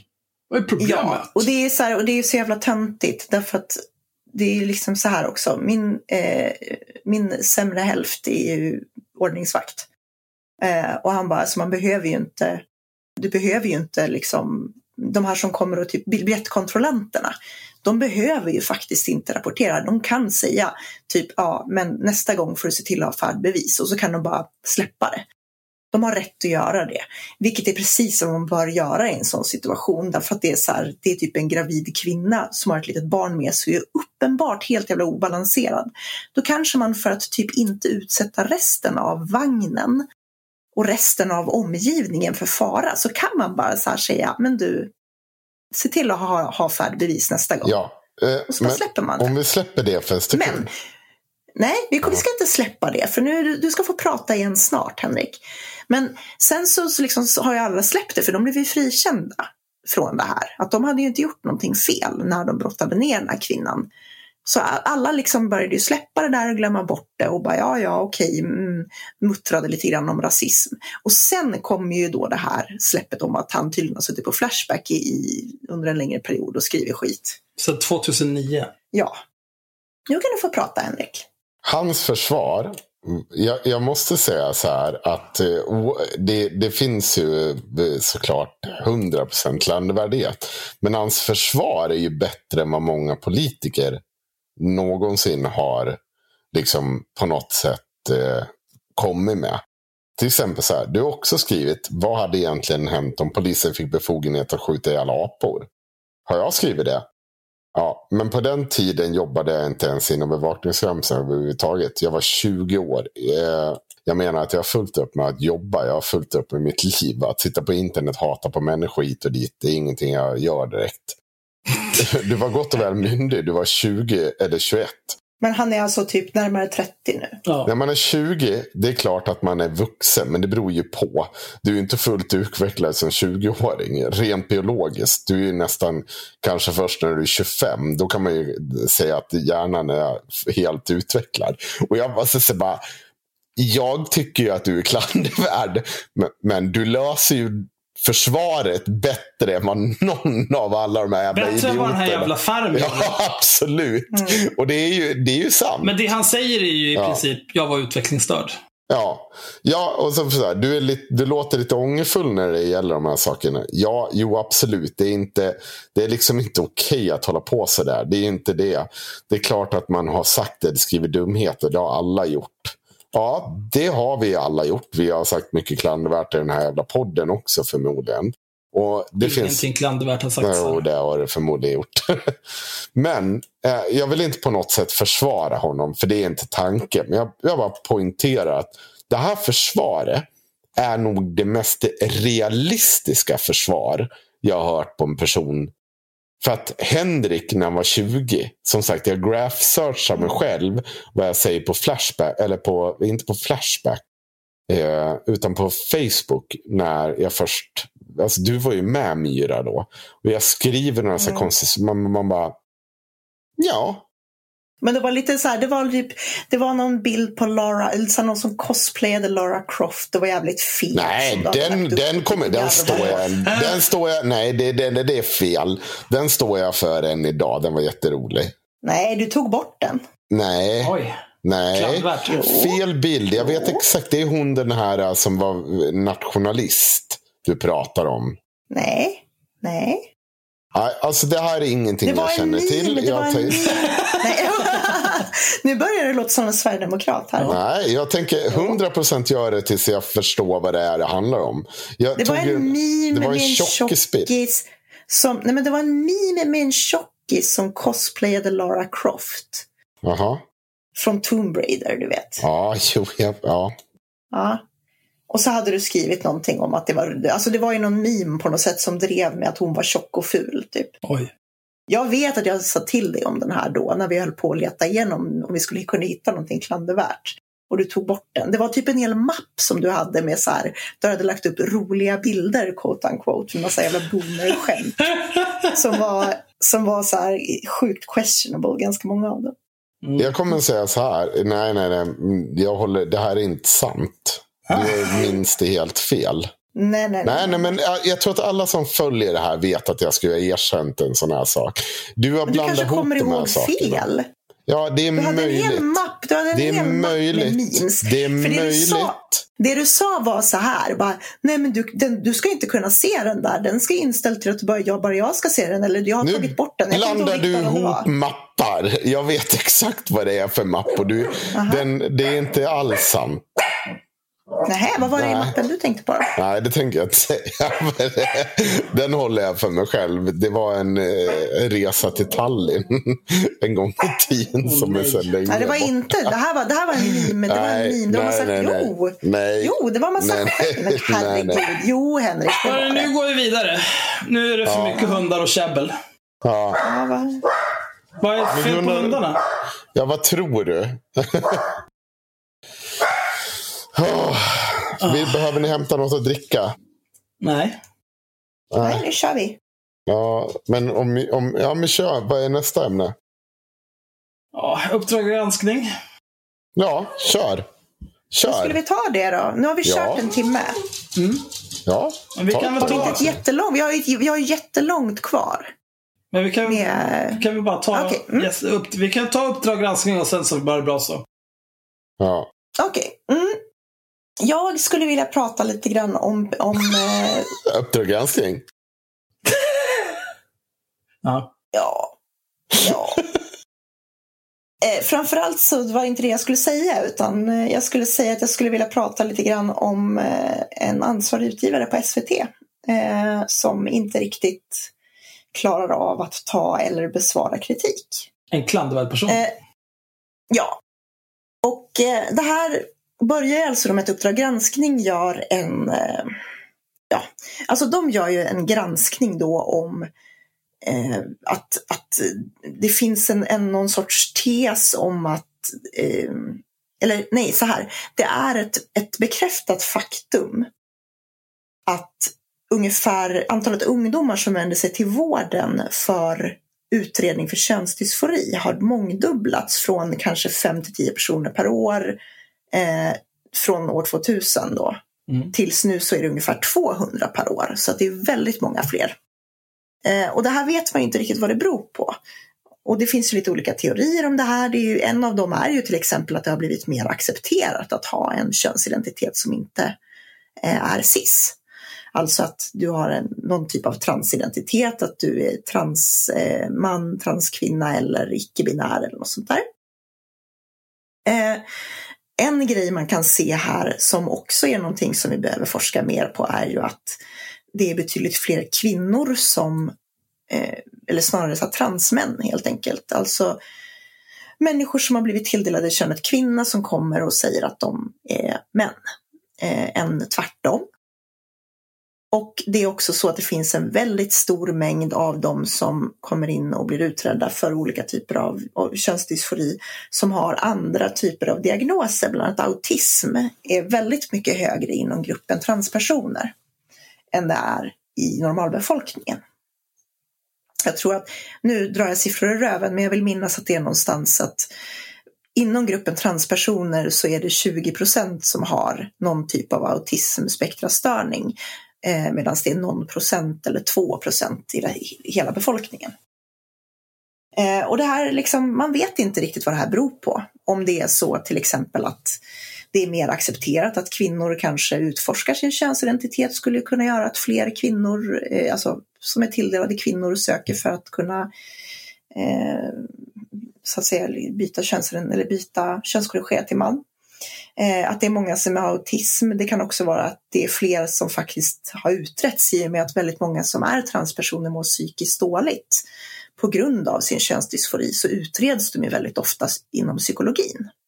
Medan andra människor som kanske mår rätt bra går runt och har odiagnostiserad autism hela livet, typ Henrik. Och sen så, liksom, men det finns ju jättemånga variabler som man måste ta hänsyn till. Nylle. Eh, nej, men det finns jättemånga variabler som kan påverka det här såklart. Och eftersom det är en sån snabb utveckling så har man liksom inte hunnit titta tillräckligt mycket på det för att säga vad det beror på. Eh, och det här innebär ju då att det blir en, en debatt om, ska man verkligen eh, låta människor genomgå en könskorrigering om vi inte kan till 100% säkerställa att de gör det här av quote unquote rätt anledning, det vill säga att de har könsdysfori och inte för att de typ är autistiska eller mår dåligt eller hatar att vara kvinnor för att de har utsatts för övergrepp eller vad man nu tänker sig att det är. Eh, så, det är väl typ bakgrunden. Eh, och Alltså, det finns ju jättemånga olika saker som måste ta in i beaktning när man ska titta på det här och man ska absolut fortsätta forska på det och vara försiktig och sådär med olika saker. Till exempel så har vi så i Sverige att du får inte göra en könskorrigering eller könsbekräftande operation före du är eh, myndig, vilket jag tycker är bra. Sen har de hittat någon i det här programmet då som ska ha de ska ha opererat bort brösten på en transkille eh, som var 14. Och det tycker jag låter jävligt sketchy. Det låter en, en trans, Du menar, får jag bara för, förtydligande för lyssnarna att det är, att det är en tjej från början men som har blivit kille. Varför skulle de annars operera bort brösten? Jo, jag vet, men bara för förtydligande. Det var... Men det är jättelätt. Så här, ja. en, alltså, eh, Eh, man säger, när man säger transman så är det en person som, vill, vill, eller som är man. Det är så enkelt. Man ser trans innan för att visa på att det är en person som inte tilldelades könet man när den föddes. För det vore respektlöst att säga transkvinna som att ja, det här är en kvinna som är trans, för då använder man det kön som de inte är. Det är som att jag skulle kalla dig kvinna. Liksom. Personligen så har jag inget eh. emot att bli kallad kvinna för att eh, jag, jag, jag, ser inte ner på kvinnor på något vis. Jag tycker inte att det är en förolämpning. Mm, jag kallar mig bög också. Du ser, du ser, Du ser kanske inte färg heller. Nej, det gör jag inte. Men det är för att jag håller på att bli blind för att jag är så jävla gammal. Ja. Mm. Ja. Eh, ja, men så här, och liksom det, är så här, det, det, är en fullt rimlig frågeställning att lyfta det här och liksom att tycka att man ska forska på det. Det är också fullt rimligt att säga att vi kan väl hålla det till att man inte får eh, operera någonting förrän man är myndig. Sen kan du få göra vad fan du vill med din egen kropp kan jag tycka. Men eh, problemet med det här Uppdrag granskning, det de har kritiserats för är då eh, bland annat då att de har eh, använt sig av ett begrepp som heter Rapid Onset Gender Dysphoria, alltså en könsdysfori som påstås komma väldigt plötsligt och oväntat. Och då så ställer man ju logiskt frågan, så här, oj om det går att liksom slår om sådär snabbt, är det verkligen så att du har könsdysfori då eller är det bara att du har en dålig dag eller vad det nu kan vara? Eh, problemet då med det här begreppet är att den enda studie som finns som har använt och introducerat det här begreppet har i efterhand tvingats korrigeras på jättemånga sätt. Både utifrån den metod man har använt, de frågeställningar man har haft och de slutsatser man har dragit.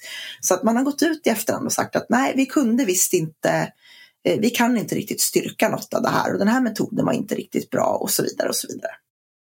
Så att efter korrigeringarna så säger den här studien väldigt, väldigt lite. Mer än att då vissa föräldrar eh, inte vill acceptera barnens önskan om könstransition. Mm -hmm.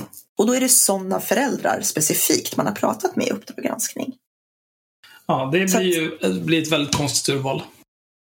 Ja, jag tyckte det också. Ehm, så att eh, det börjar ju då att man pratar ju då med en massa föräldrar som säger att ja, mitt barn fick plötsligt för sig en dag att det ville byta kön och så lalala och det tror jag inte alls att det var eh, så. Och ehm, det var, de flesta var anonyma. Eh, de säger att jag tror inte på att mitt barn är trans. Och använde då också liksom säger min dotter är minsann inte trans trots att den här personen idag då identifierar sig som man, vilket man kan tycka är rätt respektlöst. Eh, och jag vet inte, jag tror att det är väldigt dumt i ett sånt läge att gå till barnens föräldrar när vi vet att det är, finns en väldigt liksom Alltså jag tror inte att det är normen att föräldrar är helt okej okay med att barnen är trans fortfarande idag. Utan jag tror att det är många som tycker att nej men. Vet vi eller tror? Vi spekulerar. Va? För du sa först vet vi. Alltså, du sa först att vi vet och sen sa att tror. Vad vet vi om? Hur ser acceptansen ut? Ja, men jag rättade ju till tror. Okej. Okay, ja. Eller hur? Nej, ja, ja, ja okej. Okay.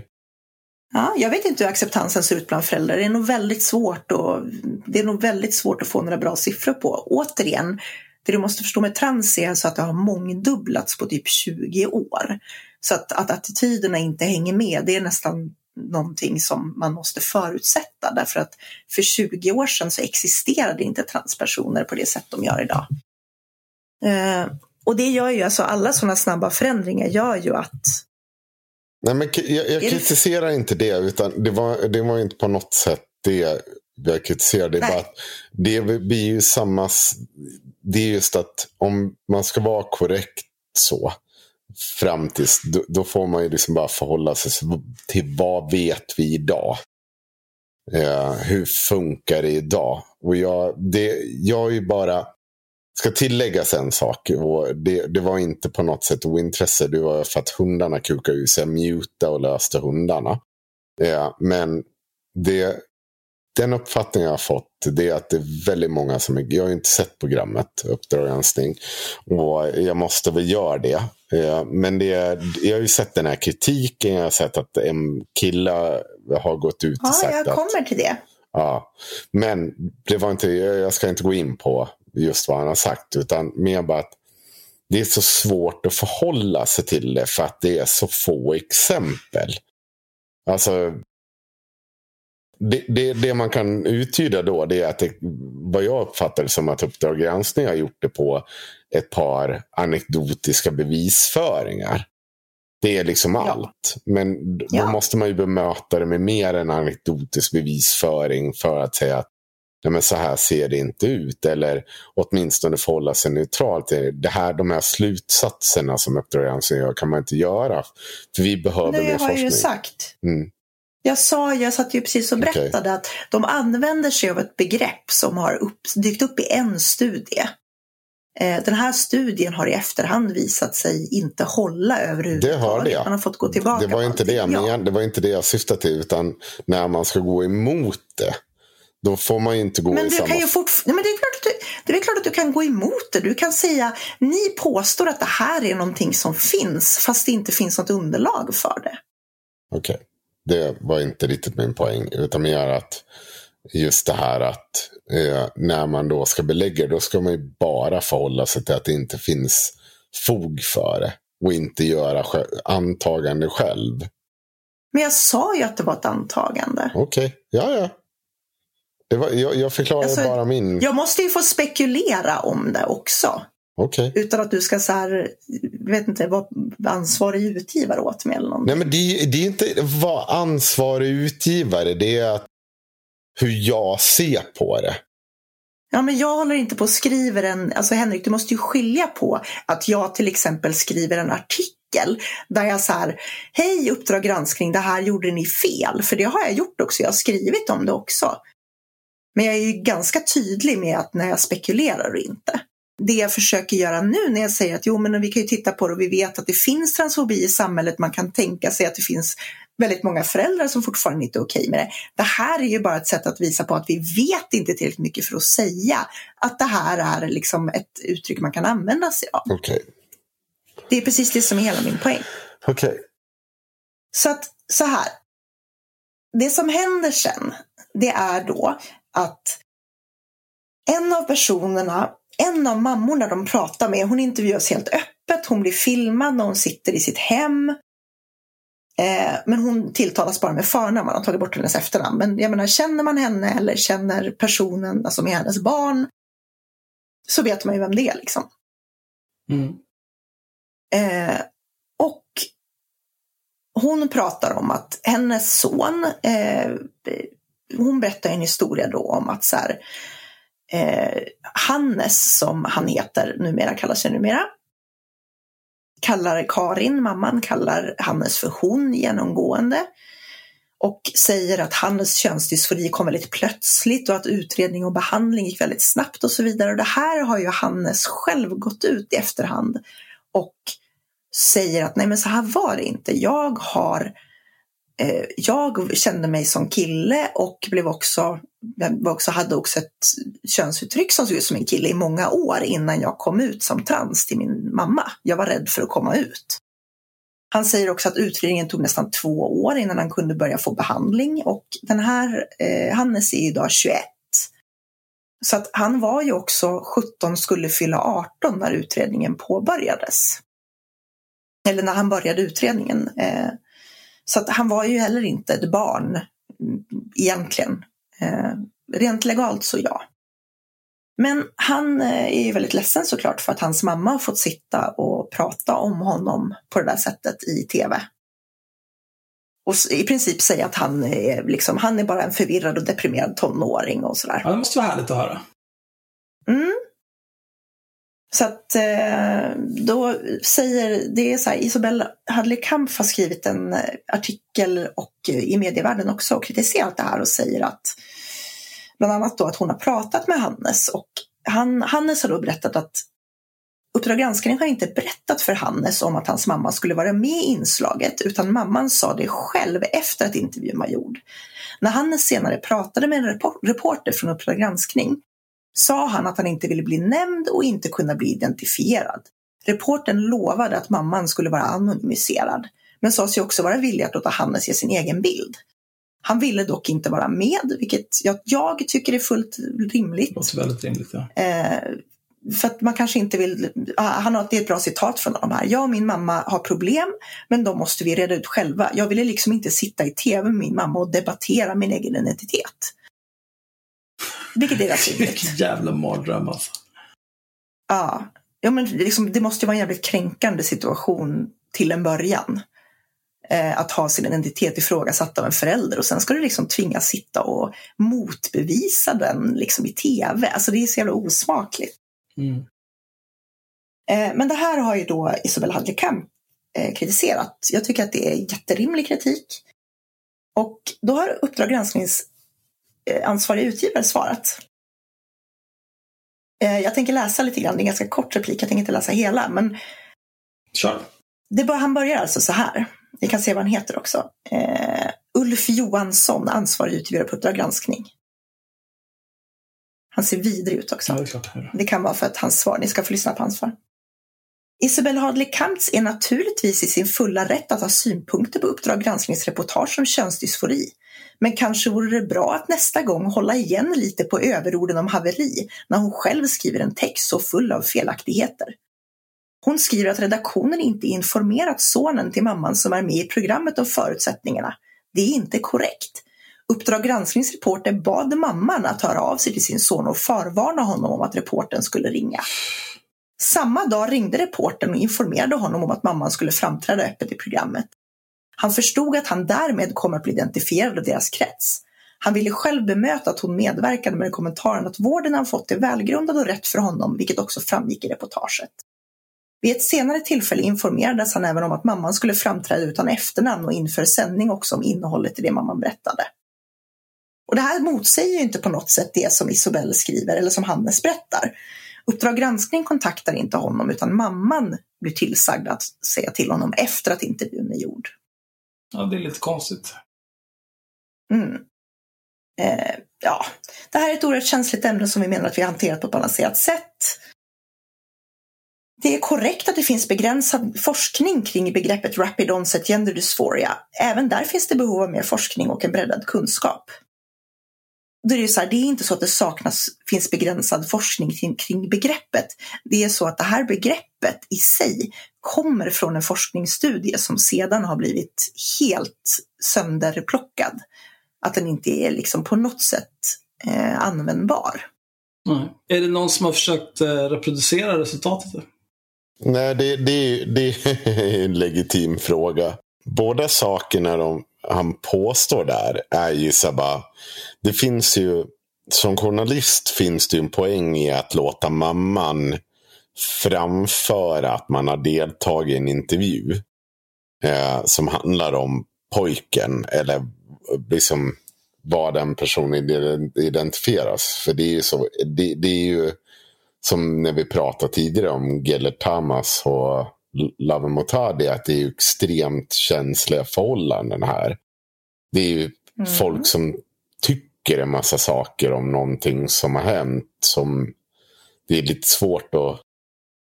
Alltså det, det måste ju vara pojken i sig som har rätt till sina... Ah, för fan, det är så nergrottat i på individbasis. Och, och just det där att ja, men det krävs mer forskning. Fast det är ju inte svaret du ska komma med som granskare. Då ska du ju kolla på forskningen. Finns det stöd för att det här är gjort? Eller att det här är en sak? Ja, och då kan vi titta på hur den här studien genomfördes. Så man lutar sig på att det här är någonting mm. som finns. Det är alltså så att de har samlat in 164 svar från föräldrar som tycker att deras barn har eh, alltså att, att de inte är riktiga transpersoner. Mm. Men att de ändå har fått behandling alldeles för snabbt. Mm. De här föräldrarna har man alltså fått in från en onlineundersökning som raggade folk på tre olika bloggar som alla samlar den här typen av eh, oroliga föräldrar. ja. Du har alltså inte gjort så här, du har liksom inte gjort ett representativt urval för hela gruppen transföräldrar utan du har specifikt gått till bloggar som tror att det här är en grej och samlat in folk som svarar därifrån. Eh, du har ingen som helst motargument från någon som, liksom, in, inte från barnen själva i den här studien, de har inte fått uttala sig. Inte från någon som har en annan syn på det. Eh, det, är liksom, det är en jättedålig studie. Det låter och då inte tycker bra. jag att man Nej. Då tycker jag så här att som journalist då så kan du absolut lyfta så här att ja, men det finns, du hade kunnat lyfta fenomenet att bara, ja, det finns massa bloggar där föräldrar som är oroliga för det här sitter och så hade föräldrarna kunnat få prata och sen så hade man också kunnat lyfta att så här, ja, den här studien liksom är inte giltig. Men man pratar ju om det här som att det är ett begrepp som finns. Men det finns inget bevis för det. Det är helt enkelt extremt klandervärt från början till slut.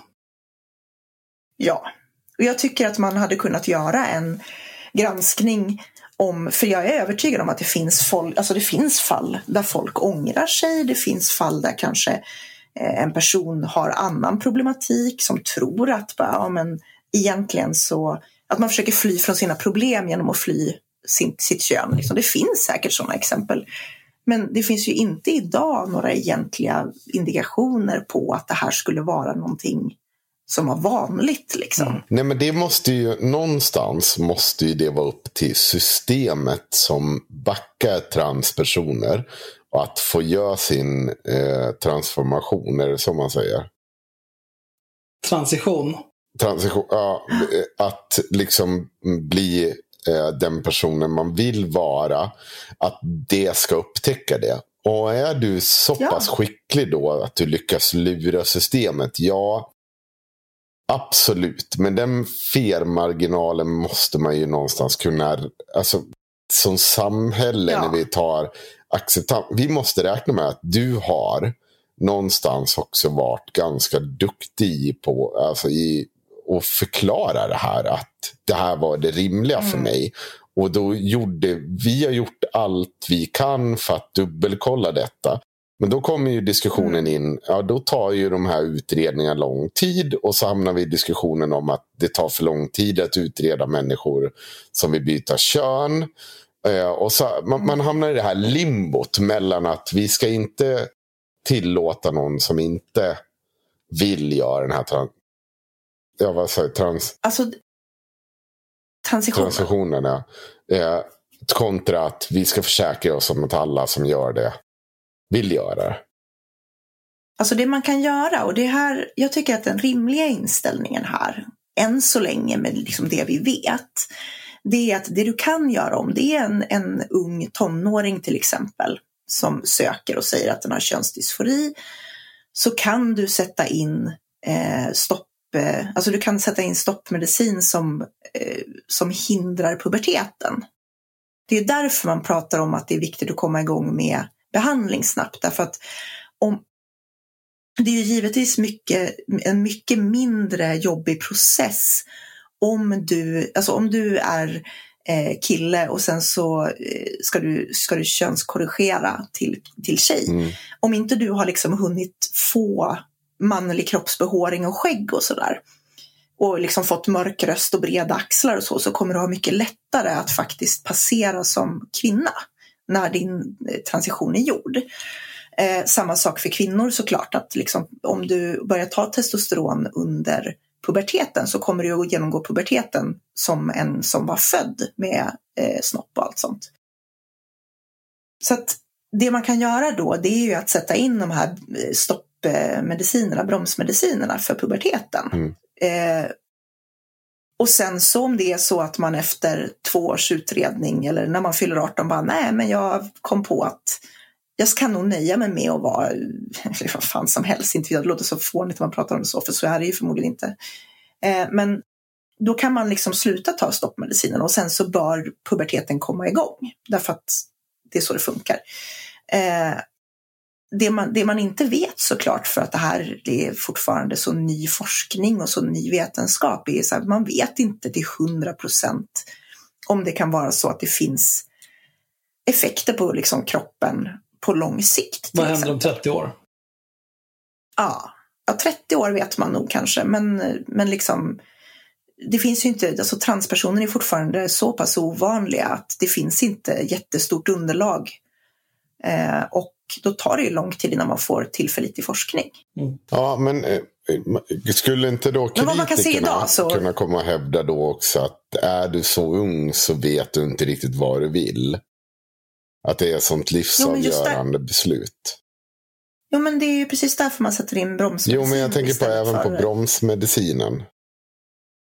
Ja, men då är det bara att om du ångrar dig så slutar man ta bromsmedicinen och sen så genomgår du puberteten som, och sen har ingenting hänt liksom. Ja, du får Ja. försenad pubertet. Ja, så är det ju. Men men jag tänker, ja. ja.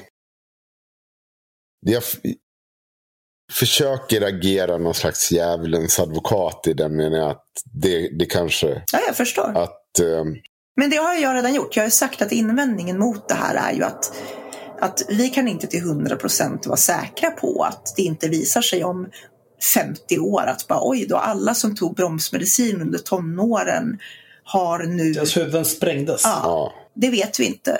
Men det är fortfarande en väldigt liten grupp människor.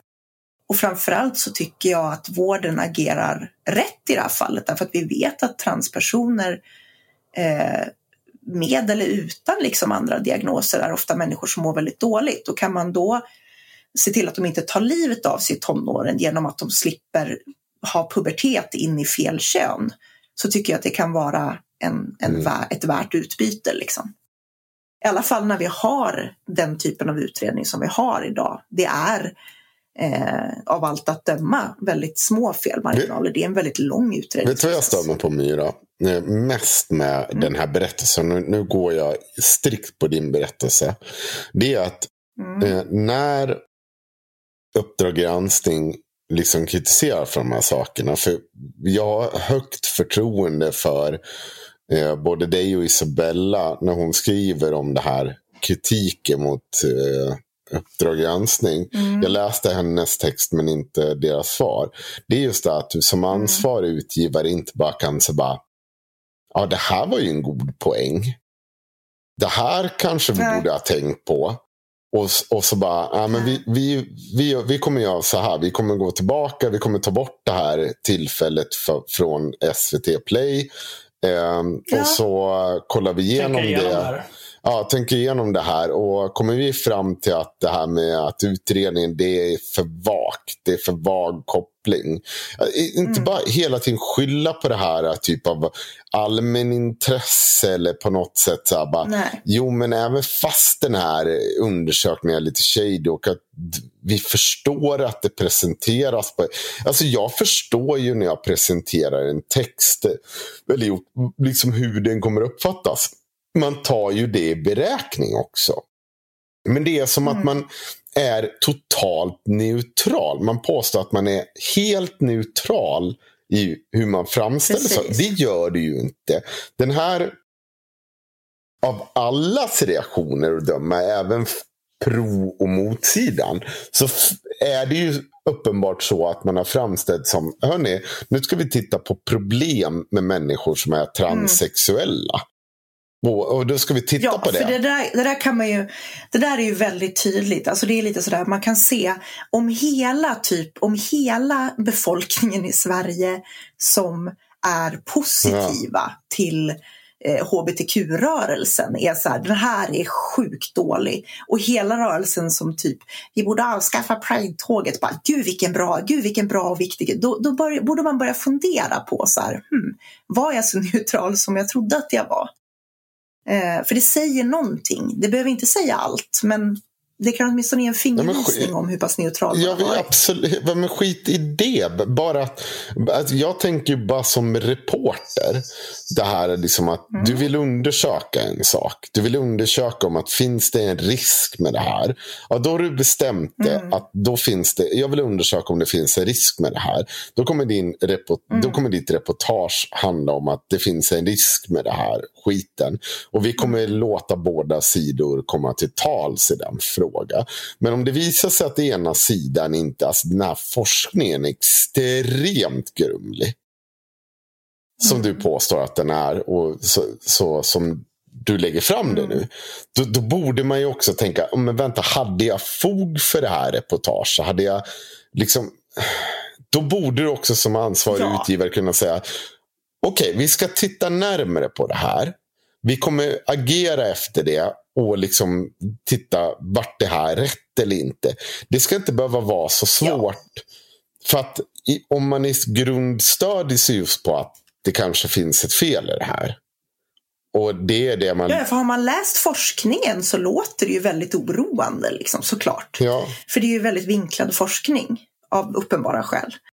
Ja. Eh, men det var ju det var ju lite så här, för det började ju med, det första jag såg av det här var ju att en person som eh, själv är trans eh, hade eh, varit inne och skrivit till Uppdrag granskning på Twitter och så hade, hade hon sagt att så här, eh, typ, ja men ni pratar om det här begreppet, Rapid Onset Gender Dysphoria och eh, den här studien, jag förstår inte hur ni kan säga att det är ett vedertaget begrepp när den här studien har liksom de som publicerade studien har själva gått ut och sagt nej, det här håller ju inte som undersökning.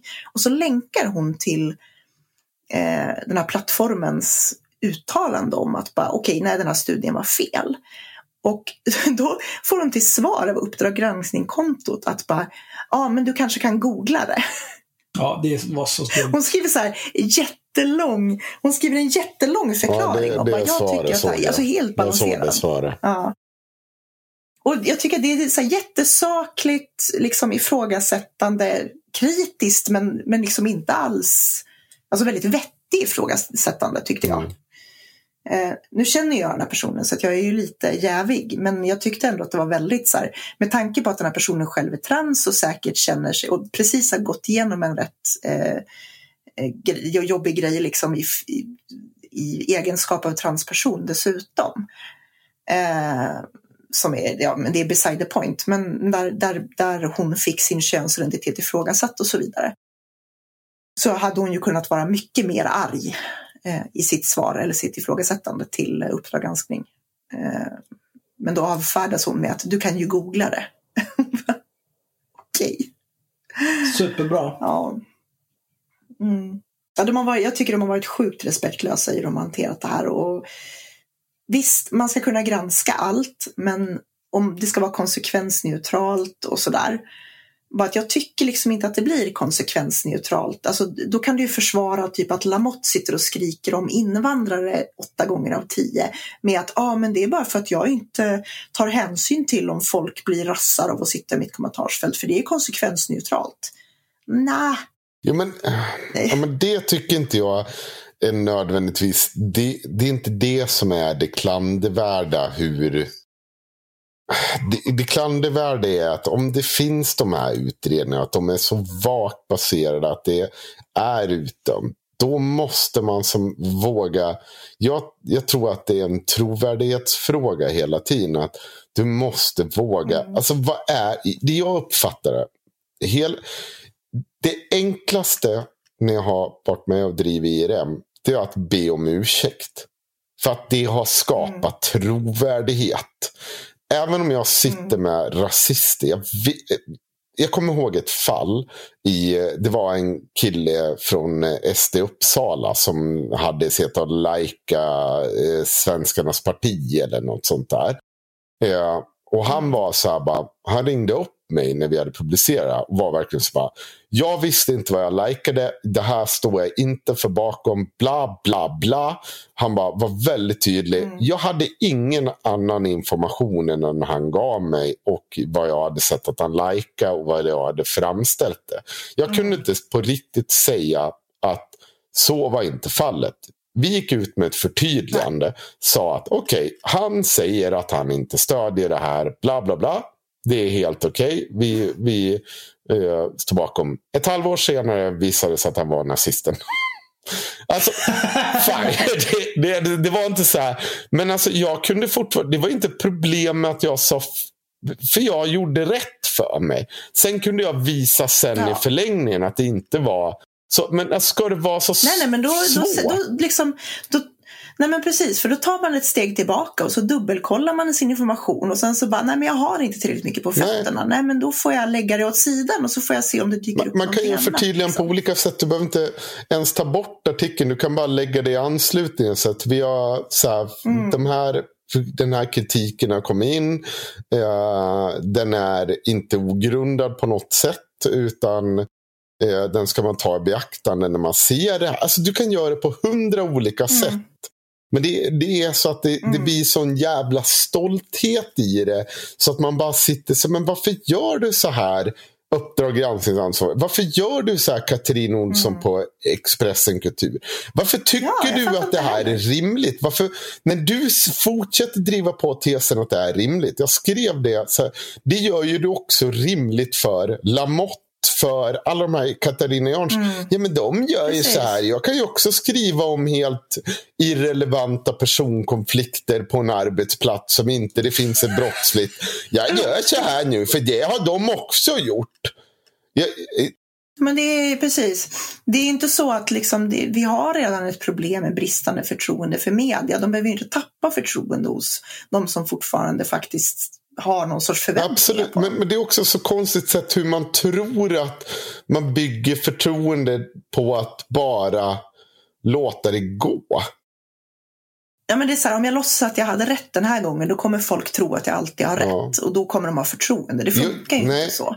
Men men, men för jag menar, det han hade kunnat göra, så här, han hade inte ens behövt säga att han ska ta ner det. Alltså han hade bara kunnat formulera sitt svar helt annorlunda. Mm. För det han gör nu, det är typ att gå ut och börja med att säga att hon har massa felaktigheter i sin kritik, vilket hon inte har.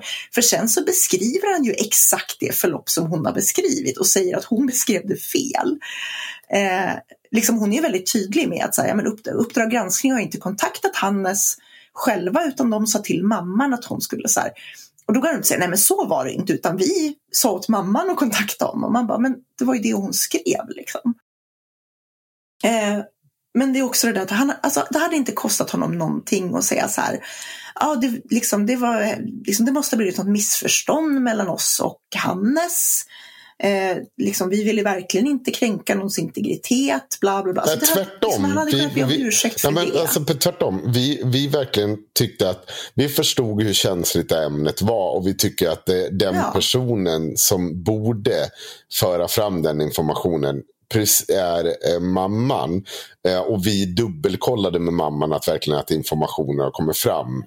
Ja men det, exakt, men det är det jag menar. Det, det här, vi, tyckte att, vi, vi tyckte att vi gjorde ett bra jobb i att se till att det här var så respektfullt som möjligt. Eh, det är jättetråkigt att höra att Hannes tycker att det här brister, men vi har följt våra rutiner. Till och med mm. det jag kan, göra, det, jag kan göra en facklig liknelse på det här. När, vi, när det sägs upp människor så säger vi alltid mm. åt att det är arbetsgivarens ansvar att berätta om det här. Och det är för att mm. det är faktiskt det är de som säger upp. I det här fallet är det mamman som går ut med den här informationen. Så hon måste berätta mm. den samtidigt som det är, eller inte fackets uppgift eller uppdragets uppgift att faktiskt berätta det här. Utan det kanske är bättre att jag tänker prata om din situation för jag vill göra det. Mm. Och arbetsgivaren måste säga jag tänker se upp det för att jag har den här och den här situationen. Och så sitter en exper, mm. extern part i varje fall och säger så bara absolut, direkt efter det kan du komma och prata med oss om det är någonting du undrar eller bara liksom om du har en annan åsikt. Jo men det är väl liksom det är tonen i hur han avfärdar den här kritiken liksom så himla tvärsäkert och bara nej vi har inte gjort något fel, vi har agerat etiskt, vi har, ja, vi, den här kritiken är inte rimlig. Istället för att bara så här tack för din synpunkt, eh, det är tråkigt att höra att han upplever det så här. Alltså, det hade inte, de hade inte gjort, det hade inte gjort någon skillnad för liksom det hade bara kanske inte fått honom att framstå som ett jävla svin. Nej, det där blir ju någonting som folk hakar fast vid och så blir det mer kritik baserat på det. Hade han bara gett ett, ett, ja. intetsägande svar så hade det inte varit ett problem. Ja, eller en ärlig ursäkt. Liksom. Det går ju också. Ja, nej, men det är nog lite mycket. Jag kan också tycka att den här morsan är väldigt konstig. Nu har jag inte sett ja. det i och för sig, men eh, alltså att tycka att eh, ens barns könsdysfori är någonting som man själv tvunget måste prata om i SVT. Mm. Liksom. Kan du tona ner din narcissism? Jag, jag tycker också att det är lite konstigt faktiskt. För att eh, grejen är att det här är, är ju jag vet inte, det, är så här, det, känns så, det känns som att det är en sån högst personlig konflikt. Alltså att, att eh, de här, alltså den, här, hon, hon, den här mamman har liksom tappat kontakten med sitt barn eller tappat, eh, kanske inte nödvändigtvis den fysiska kontakten, men liksom att känner att hon förstår inte sitt barn och då ska hon sitta och, och liksom skylla det på att barnet har någon sorts vanföreställningar i tv. Alltså det är, Det där, jag tycker att det är osmakligt. det där måste ju ha kommit upp under produktionen också, att den här konflikten fanns där.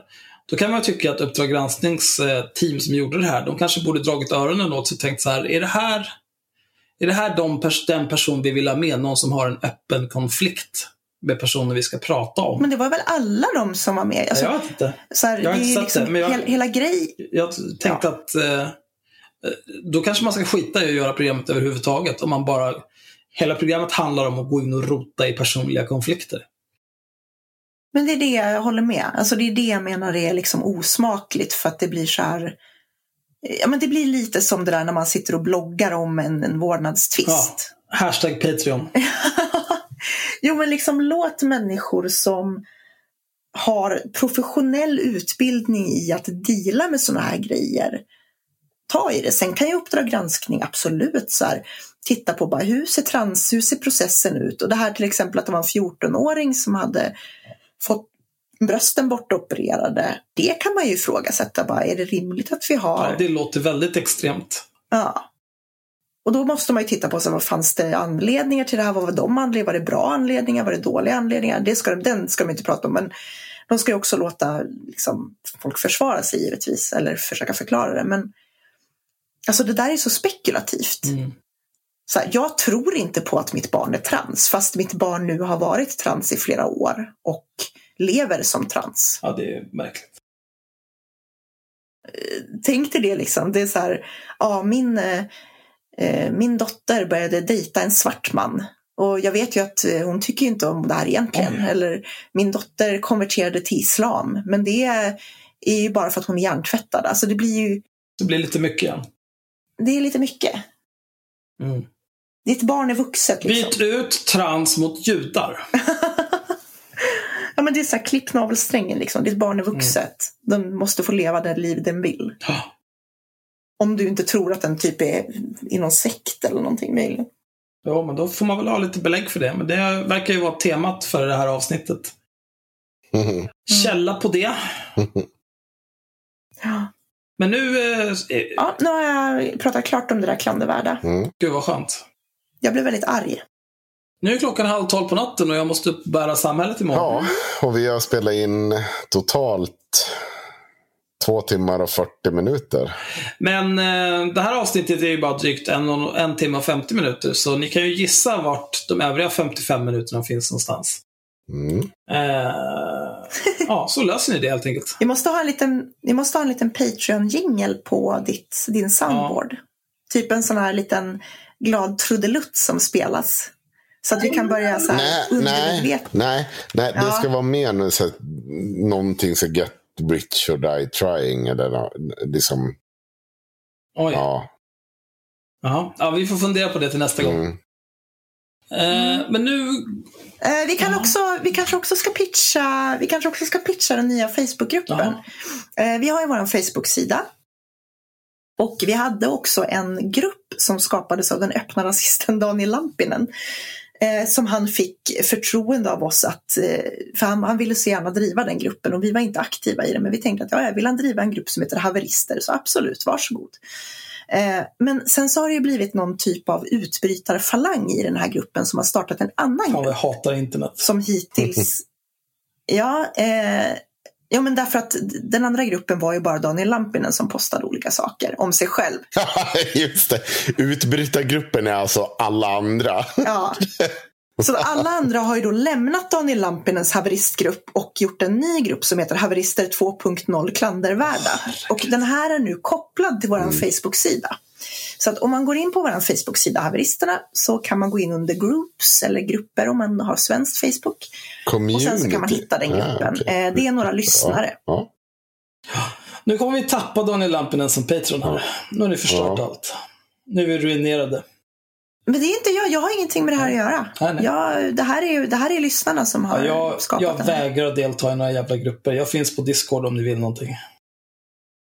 Ja. Eh, men det finns en sån grupp i alla fall. Det har postats, det finns en GIF-tråd där, där folk har gjort reaktionsgiffar från våra livestreams.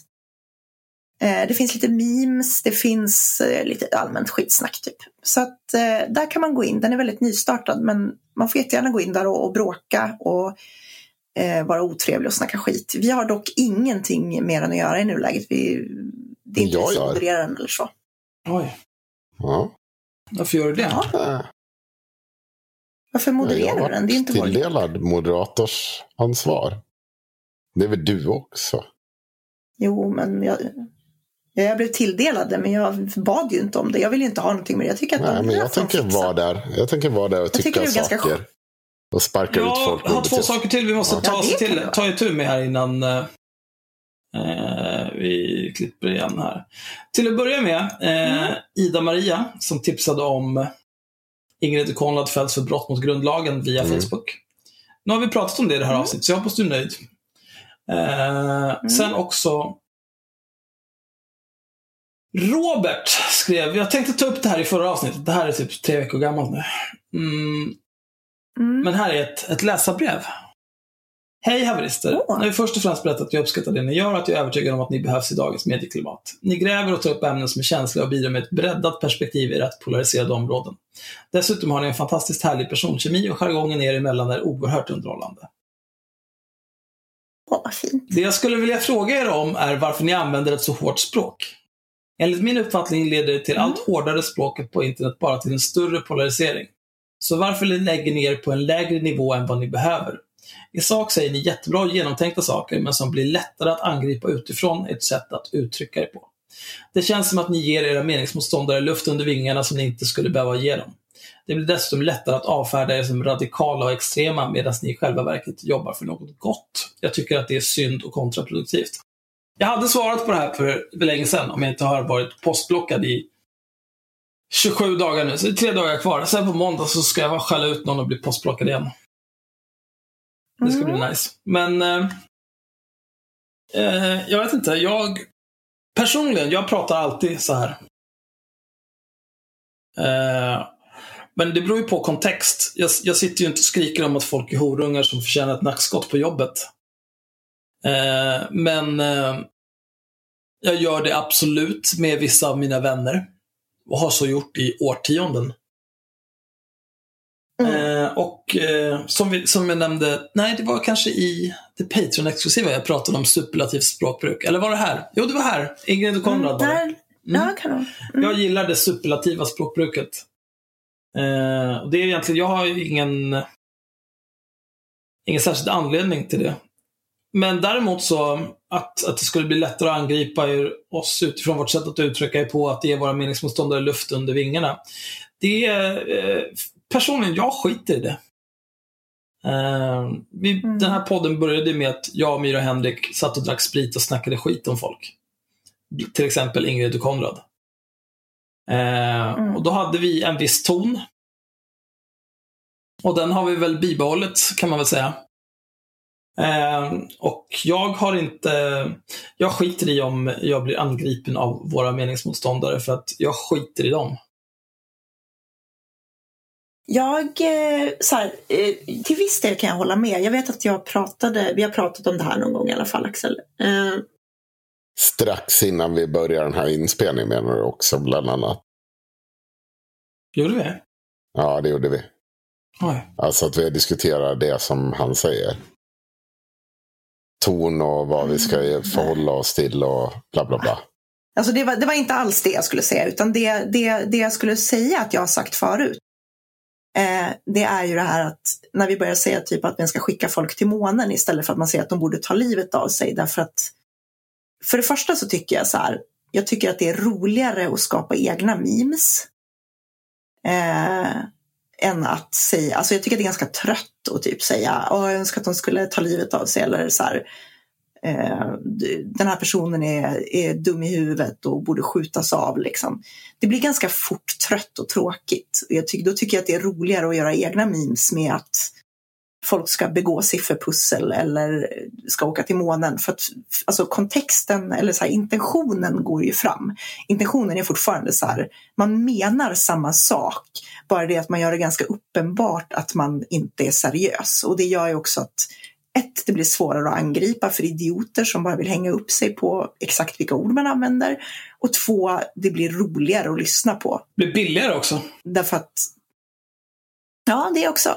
Så att i den, alltså ur den aspekten kan jag hålla med. Att jag tycker att det är, det är mer kreativt språkbruk. Nu är ju du Axel ganska kreativ med dina förolämpningar väldigt ofta.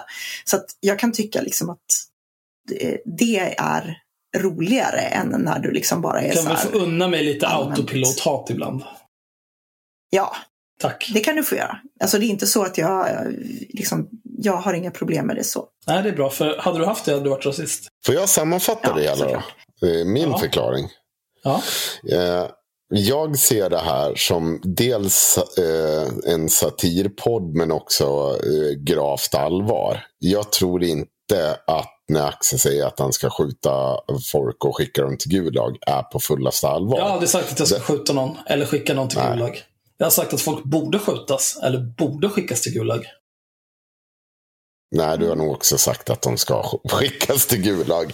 Ganska Ja, att de, övertygad att de om det. ska skickas till Gulag. Men det var ju det han sa, att de ska Jag skickas kommer inte skicka till- någon till Gulag. ska- Jag Nej, kommer inte skjuta Men i alla fall, Jag poängen är, att min poäng är väldigt enkel. Och det är så att jag är vi är inte aktuellt. Vi är heller inte fullt ut en satirpodd som inte tar tag i helt relevanta ämnen eller faktiskt gör på något sätt egna avslöjanden.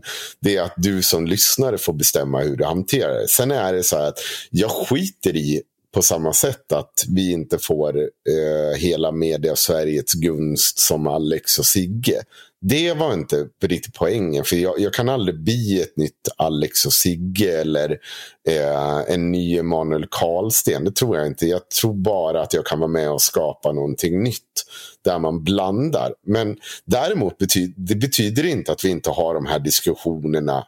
Eh, för det är inte helt sant det Alex, eh, Alex säger. Oj. Ja, det var inte synd att det här blev sista avsnittet. Men det, är, det är ju, vi har ju de här diskussionerna. Vi sitter ju och pratar om det bakom också. Var går vi över gränsen?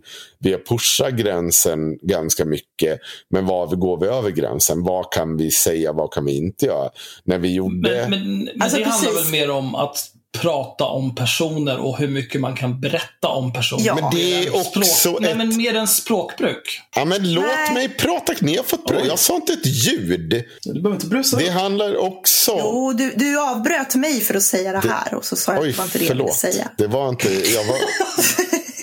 eh, skit i samma. Kan jag få prata till punkt? Det är också en form av publicistisk diskussion kring vad vi gör. Men han pratar inte om publicistisk diskussion. Han, han Det pratar gör han om, väl? Nej, men han, Nej. han pratar om hårt språkbruk. Kuken, fittan, skottet. Ja, det är en publicistisk diskussion. Nej, det är en helt annan sak. Vänta nu, är, är ni efterblivna båda två? Är ni totalt jävla tappade i asfalten och så har någon tagit upp er och bara satt en jävla bultpistol i pannan på er? Det är väl Oj, klart det är en publicistisk diskussion om huruvida... Men det är inte det han Jo, menar. Nej, men det är väl klart han gör. Om vi Nej, ska ta ner... Nej, Henrik. vi ner Han, menar att, han menar att vi inte ska säga Men om jag får säga, ofta. prata klart. Om han vill att vi ska ta ner tonen så är väl det en publicistisk diskussion. Att vi Men det är inte... det är det väl. Bara att, det är en publicistisk diskussion. Du kan inte säga att jag, Ja, det jag det ju sa sak. nu. Om jag hade vänt på det och sagt att jag skulle inte säga så. Utan jag skulle säga att jo, men hörni, ursäkta. Nu har ni väl tänkt lite fel. Nu är det väl lite konstigt. För att undvika att vi ska bli angripna på dittan och dattan sätt. Det är väl en publicistisk diskussion. Men det betyder ju samma sak. Men det är ju inte samma sak. Han har ju inte ifrågasatt att vi tar felaktiga publicistiska beslut. Han har ifrågasatt att vi använder för fula ord. Ja, men det är väl en del sak. av den publicistis, Ja, publicistiska... men det, ja, det är en del av det, men han har ju ifrågasatt delen, inte hela vår publicistiska Men det är också det- profil. Fast Vi det är en jättestark del av vår publicistiska profil att vi inte Men det är den delen. håller exakt, ner orden. Ja, men Eller det är det- också en säger jag? del här. Men du säger det ju själv. Vilka ord vi använder är ett, ett beslut vi tar. Det är en del av våra publicistiska beslut. Men vilka vi väljer att typ namnge och inte, det är en annan del Men av det är publicistiska inte bara-. Men det är inte det han har ifrågasatt. Han har bara ifrågasatt vilka ord vi använder. Mira, har han, Ja. jag fråga så här, har han frågasatt en del av våra publicistiska beslut? Men det är irrelevant. Du behöver Det är inte irrelevant för att jag pratar om att det är en del av vår publicistiska verksamhet. Alltså det, är vi faktiskt, det är inte så att vi sitter och har ett det redaktionsmöte på det sättet som en tidning har. Men vi diskuterar de här frågorna. Det är en del Men det av har vår han heller inte publicistiska verksamhet. ifrågasatt. Det har han heller inte ifrågasatt. Han inte ifrågasätter en del av vår publicistiska Jag läser det verksamhet. igen här nu. Jag Ja, läser igen. det gör han. Det, det, är, Men Henrik fattar det jag skulle inte vilja fråga... Jo, det gör Tyst jag. nu. Tyst. 100 procent. Tyst! Nej. Det jag skulle vilja fråga er är, om är varför ni använder ett så hårt språk. Mm. Enligt min uppfattning leder det allt hårdare språket på internet bara till en större polarisering. Så varför lägger ni er Mm. på en lägre nivå än vad ni behöver? Jag kan förklara varför jag inte tycker att det här har någonting med Det har du gjort. Nej, men jag, jag kan förtydliga baserat på Aha, ja, ja. Jag jobbar med IT. Jag tar inga publicistiska beslut. Jag skiter i publicistiska beslut. Sen om, om ni två liksom mediabögar vill hålla på att fatta publicistiska beslut, go right ahead. Jag tänker inte fatta några publicistiska beslut. För jag jobbar inte med att publicera saker, jag jobbar inte med media, jag jobbar inte med publikationer. Jag skiter i allt det där. Fast det Jag har gör ingen det utgivare. Nej, men, inte men, fan vad dum i huvudet du är. Det är väl klart du är. Du sitter och driver en podd. Men driv en podd! För allmänheten om 2000 aktuella men- frågor. Kom igen, alltså folk har sånt Du kan jävla inte skylla på storhetsvansinne. an- Lyssna nu! underlaget. Vi har 2000... Du kan inte skylla Håll på underlaget. Mm. Vi har 2000 till 2 500 lyssnare per avsnitt ungefär. Efter två veckor. Mm. Det finns människor som har liksom slutna Facebook-konton som har dubbelt så många mycket nära vänner. Mm. Mm. Vi har liksom ingen som helst reach eller påverkan till någonting. Att hålla på och låtsas som att det här skulle vara någon typ av publikation eller göra den typen av skillnad, att det spelar roll i det medielandskap vi har idag, där liksom clowner som Elaine Eksvärd har 108 000 följare på Instagram och kan publicera vilka dumheter som helst och få bara, ja, det här är strålande. Mm. Och låtsas då som att man är någon typ av, har något publicistiskt ansvar bara för att man har valt ett visst format. Det är, det är rappakalja, det går jag inte med på. Jo, men det är det. Nej, men vänta. Nej, jag tänker svara på det direkt. För det första, att an, alltså, hur många följare du har påverkar. Alltså, vi har fortfarande en publicistisk dis- diskussion. Vi hade den innan det här avsnittet. Eh, Vi har haft det innan andra och efter andra avsnitt. Vi har tagit alltså- det. Och nu har vi en publicistisk dis- diskussion. Det är inte Det- påverkan Nej. av hur många följare man har. Semantik. Då får ni bestämma er. Finns det Det någonting? semantik. Det här är bara semantik. Vadå? Det, det Ja. du kallar en publicistisk diskussion, det kallar jag prata om hur vi ska göra podden. Så att den inte blir meningslös, tråkig och så att den inte är dum. Så att vi alla tre Jo. tycker att det är någorlunda Men då, roligt att göra om, det. om det bara är semantik, då borde ni ju inte argumentera emot mig att det inte är en publicistisk diskussion. Semantik handlar ju om att vad man använder för ordval, eller hur? Ja. Om vi båda ge, menar samma sak, då borde ni inte argumentera mot Men mig. Då borde publicistisk- menar inte semantiskt samma är det sak. korrekt. Det var ju, Publicistisk diskussion för med sig helt andra konnotationer än Hej, jag heter Axel och jobbar med IT och på fritiden gör jag en podd med två av mina kompisar där vi pratar Jo, om men du, politik och vet du vad? idioter. Axel, du kommer fortfarande inte kunna komma undan, undan det faktum att eh, det vi publicerar, vi, vi gör vissa, liksom, vi klipper i det, vi gör, alltså för att det är, alltså vi, eller har du någon tanke så här, om jag frå- ställer om frågan, att om imorgon bestämmer sig hundratusen människor eh, för att lyssna på den här podden, Ja. då, då tycker inte du, liksom, då förändras spelreglerna då eller är det Det samma är sak? självklart att det förändras. Har vi inte ett ansvar? Alltså, Ja, men ha, var, större- varför har vi inte det ansvaret idag? Vi påverkar ingenting. Om vi har hundratusen människor som lyssnar på den här podden och tycker att det är det bästa sen skivat smör. Så här, fan, Axel, han vi har minsann rätt där. Där sa Henken något smart. Så här, Myra, hon var minsann listig där. Då har vi ett ansvar för att vi påverkar jag, allmän opinion jag, är, jag är och med samhälle. Axel. Och då måste man ta Ja, men det vi, ansvaret. om Ja. vi, Men med den om reach vi vi har idag påverkar så... människor redan idag. Ja, men Om vi på människor... det, det är inte en signifikant påverkan. Ja, Okej, så att det finns någon gräns där när det blir... Absolut, Men det, det är finns en gräns. Men jag, jag kan inte gräns. säga den gränsen ner till tionde decimalen. Det, det får man Nej. göra någon slags avvägning. Nu är du, nu är du, typ, nu är du typ Daniel Lampinen. Nej, det är jag inte. Jo, det är Nej. du. Det är jag absolut inte. Jo. Du är det. Därför att du, för det första så fattar inte du att Jag förstår personen har- absolut Myra. Sluta Nej. säga att jag inte fattar. Jag förstår poängen, men jag håller inte med om principen Fast av du att försvarar när du någonting som man väljer... inte har ifrågasatt. Det är så här, det är så här säg, säg, säg så här. Eh, du är hundägare och så skulle någon säga så här. Eh, ja, men du, måste du typ säga håll käften till hundarna när de, är, eh, när de typ skäller? Kan du inte så här, säga var tyst istället? Och då skulle du börja så här, ja fast jag tar faktiskt många bra beslut som hundägare. Alltså det är så här, jag köper faktiskt jättebra mat till dem och, jag- och jag klappar dem alltid. Och så här, det, är det, det är vad du gör nu. Ja. Va? Han har inte sagt att vi ska ha en annan publicistisk eh, profil eller någonting. Han har sagt så här att vi ska använda ett alltså, mindre fula ord när vi Får jag, pratar. får jag fråga en sak? Tror ni att de som lyssnar på oss, eh, det här kan ju bli intressant, Jag det kan vi diskutera i, i gruppen. I grupp, Nej men vänta nu. Jag, jag tror att det kan bli, för vi kan lämna dem med det här. Ja. Om, i det, här, det här tycker jag är en rimlig fråga då. Om vi inte hade pratat på det sättet som vi har valt att göra. Hade de tyckt att det här varit en lika intressant podd då? De som lyssnar på oss. Det, det, Det, kan de inte. ta ställning till i Haveristerna klandervärda 2.0. Och så kan ni de är diskutera ju det de efter det som här avsnittet. oss. Var tyst nu Mira. Så kan ni diskutera Alltså, det här av- efter det här avsnittet. Du fick sista ordet typ. i hela jämförelsen. Jag är okej med det.